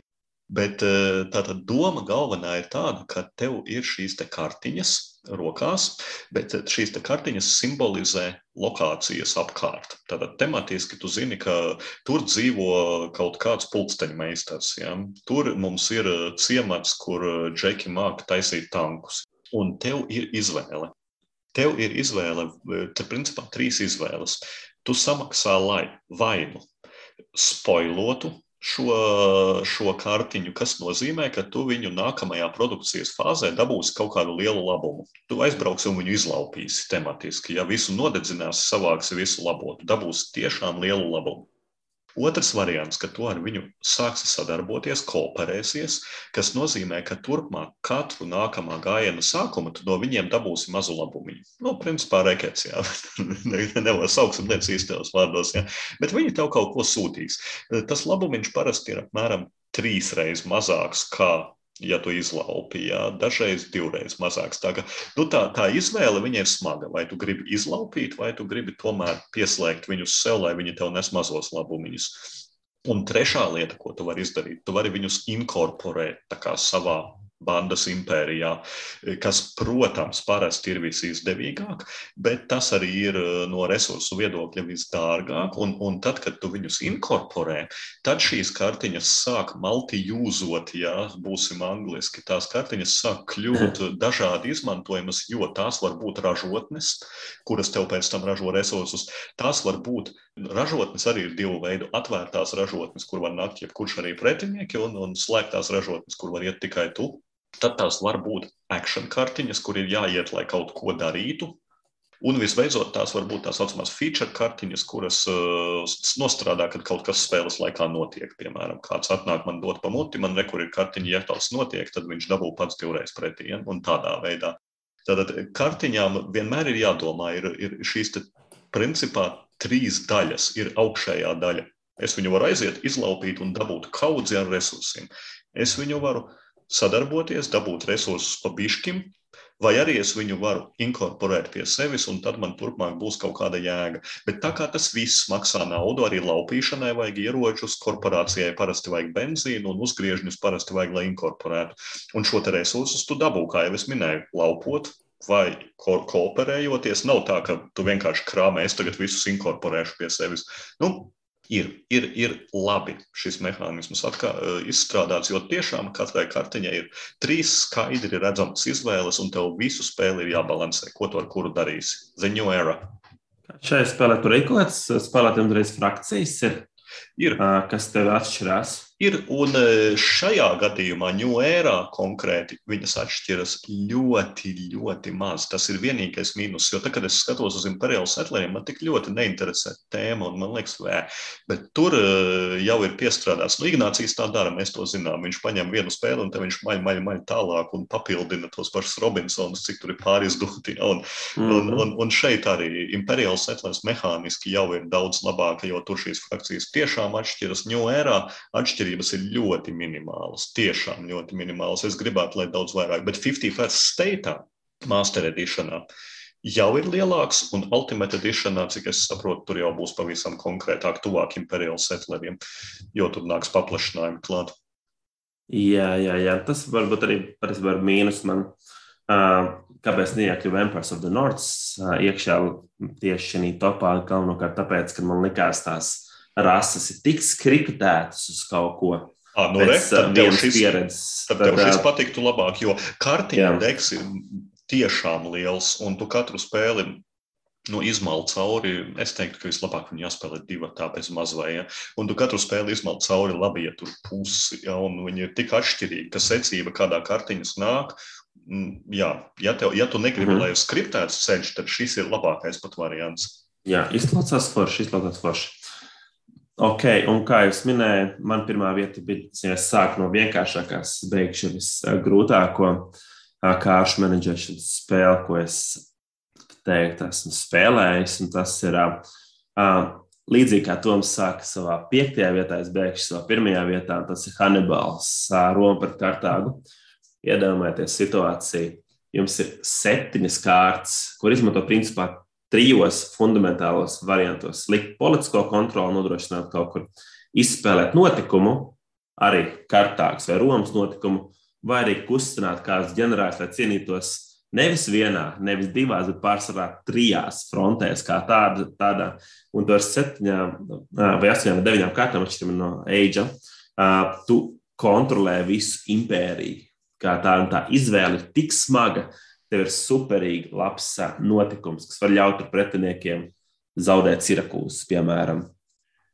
Bet tu redz, ka uh, romieši tuvojas romieši tuvojas manām armijām, man kaut kā jāpārgrupējas, jādabū citādāk spēku un tā tālāk, un tu esi spiests izdarīt nepārtraukti ārkārtīgi, ārkārtīgi smagas izvēles, lai navigētu to visu pasākumu. Un bieži vien tas ir arī, lai, ja Hannibals tāds spēle, kas ļoti bieži ir par pretinieku, kā tā, ar kurā brīdī tev parādās, kā ar pretinieku kļūdu, kurā brīdī tev parādās iespēja taisīt kādu avantūrisku kampaņu Āfrikā, piemēram, Āfrikas frontē, vai kādā brīdī tev parādās tas, un ļoti bieži tev nāks izvēlēties paņemt to kartiņu, kas ir ļoti labs notikums, lai darbotos ko citu, jo labākās notikuma kārtas viņam ir viens, divi vai trīs, un trīnieki labākie ar viņām var izdarīt arī vairāk kā politiskai kontrolē, viņam var iekustināt vājāks ģenerālis un vairāk lietas var izdarīt kā tādas. Līdz ar to tad, um, tev ļoti, ļoti bieži sanāk ārkārtīgi, ārkārtīgi traks izvēle, kā es minēju, tur septiņām kārtīgi kontrolē visu impēriju. Trīs dažādās frontēs. Kā, jā, un Hannibals ir viena no tām karaspēlēm, kas, manuprāt, ir sagramojamas. Viņa ir gana dziļa, tur ir daudz noteikumu, bet viņi ir iemācām un sagramojam gan solīdi. Noteikti, pat es iemācījos. Jā, jā. Ir, ir, ir, man, man būs pilnīgi pretējs, ja Kristofam bija tematisks un kara spēle. Man ir par lielisko brige, latviski ir brige. Bruges pilsētas būvēšanu, nu, vai attīstību, nevis būvēšanu. Spēle Bruges, visi amerikāņu apskatnieki saka, brūž. Man liekas, ka latviešu tā pilsēta saucas Brīge, ja tāpēc es paturu tiesības saukt spēli par Bruges. Bruges. Ja meklē Borgēmgīkā, un tas ir no lieliskā pavāra Stefana Felde, ja. Nu, absolūti. Es nevarēšu apsaukt par sausiņu. Jā, absolūts points salats, viss ir ok, un, un, un, un viss ir ļoti feldiski, jā. Bet šis ir nu, atkal angļu termins poster childs šai listei, ja, jo nu, vairāk multijūzu kārtas jūs īsti nedabūsiet kā brugē. Nu, nav, nav vairs. Es, es nezinu, tādas spēles. Varbūt kāda ir, bet šeit kartes var izmantot sešos dažādos veidos, un tas ir neskaitot to, ka uz viņām ir vēl spējas trīs dažādu veidu.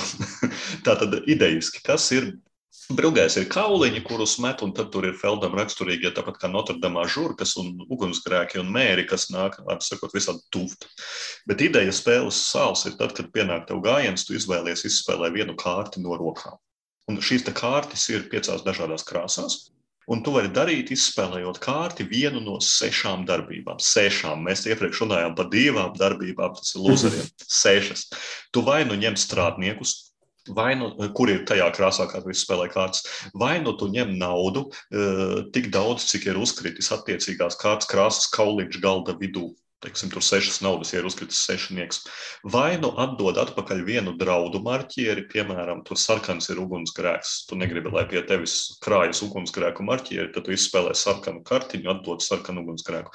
Vai nu tu būvē kanālu, arī kanāliem, ko tu būvē ap pilsētu, visiem ir krāsas, tātad tev konkrētas krāsas kanāli izspēlē, samaksā naudu un uzliec kanālu. Vai nu tu būvē māju, Mājas ir vajadzīgas, lai pēc tam viņas gan dotu punktus spēles beigām, gan arī tur var pēc tam mitināt personas. Un visbeidzot, sestā lieta ir, tu vari izspēlēt personu. Personas ir eh, šīs te pašas kartiņas, jā. Nu, nu, respektīvi, tev var būt eh, persona kartiņas, kuras viņām visām ir spējas, jo katrā uzbūvētajā mājā tu vari iedzīvināt vienu personu. Un uh, viss šis deks un personas un to spējas ir unikāli. Un tur ir tā saucamie zibenīši, uzreiz iegūstamie labumi, piemēram, tur dabūt četras naudas. Ja? Tad ir spēle, klasiski, kā šajos gadījumos, spēles spējas, kuras tev triggerosies, kad tu kaut ko spēles laikā izdarīsi, tad tev nostrādās. Un, protams, kā, protams, kā jau vienmēr šādās spēlēs, spēles beigu punktu kārtas. Ja tu tur dabūsi 12 punktus spēles beigās, ja tev būs uzbūvētas uh, trīs sarkanas mājas, ja, piemēram, tad katra no šīm kārtīm dod Pirmkārt, sešas opcijas, ko tu vari darīt. Otrakārt, tur virsū ir persona ar spēju, un šīs spējas ir trīs grupās. Un ar šīm kārtīm tu visu to spēli arī dari. Un uh, lielākais, viņam viennozīmīgi ir pirmajā vietā tieši šīs dažādības dēļ. Nav tā, ka esmu superbrūgas fans, bet nu, labāku multijūzu, jūs gribat multijūzu, jūs neatradīsiet no, no man zināmajiem. Bet Tas, kas man traucē, ka tā spēle ir par īsu, jo tās spējas un tās kartiņas ir tik daudz, un jūs skaties, wow, es gribu to, es gribu to, un šitais džeks, ah, pareizi, es vēl neminēju, ka visām tām personām ir arī nodarbošanās, kuras ir daudz grupu. Ir tātad strādnieki, kur ir kalēji visādi, tad tur ir karalisti, un tad viņi vēl savā starpā menedžējas, teiksim, muzikanti, ja tu tur lietas viņam varbūt spējas, kas ir saistītas ar dišciltīgiem, ka viņš grib viņiem spēlēt, muzicēt. Nu, kartiņu pārbagātība, viss tas pasākums pasākums ir. Un, um, Tas ir apbrīnojams uh, dizains, ka tas strādā. Un man, man tas, kas viņam visvairāk pietrūkst, ir tas, ka spēle beidzas par ātru. Man liekas, es tikai sāku, un, un es esmu sabūvējis mājas, un man tagad es vēl gribu tādu un tādu, un šis man dos spēles beigās jau 30 punktus, un tad hops spēle jau ir beigusies. Bet tas ir brūges. Jā, es, man šī ir spēle, ko es ļoti gribētu izspēlēt. Un es viņas balsoju Salgos galvaspēļu klubā gandrīz katru reizi. Viņi nekad nav atvilkti uz spēļu vakaru, nekad. Uh, absolūti. Uh, bet uh, jā, ir viens no, viens no tādiem obligātiem, obligātās literatūras, ko man liekas, vajadzētu. Dēļ apzinātajiem arī izspēlēt. Vai tu kaut ko vari pakomentēt arī par jauno versiju? Es neatceros, kur pilsētā tā bija. Tā bija kāda no pilsētām, un es nezinu, ko viņi tur ir pamainījuši. Un Queen Games, kuri prasa 100 eiro par brugesu, lai viņi iet un paši pērk savu spēli. Tieši tas tā. nav nopietni, jo, nu, teiksim, no tāda mākslinieckā un visa viedokļa, un tas ir tik absolūti parastais sausais eiro, ja, tā spēles sāls ir, ir šīs kartiņas un tā mega iespēja izmantot. Jā, Ei. ar Brugesu es domāju, pārdomāt par visām šīm dažādībām. Mēs arī varam visus atstāt. Nākamo reizi, kad mēs ar jums runāsim, ārā jau dziedās putni un sniegs būs noklusis, gan jau cerams. Vai arī Kristofers grib sniegt? Cerams, cerams. Nē, es gribu. Es gribu to nometni, lai mazinās. mazinās nu, jā, es prognozēju, ka būs nometne. Tā ka viņa vēl nebūs pavasarī, bet es ticu, ka uz vasaru jau viss aizies uz labo pusi. Ja tā cerams, arī cerams. varētu palikt. Aicinām uz dažādību un joprojām mūsu challenge uh, satura veidotājiem.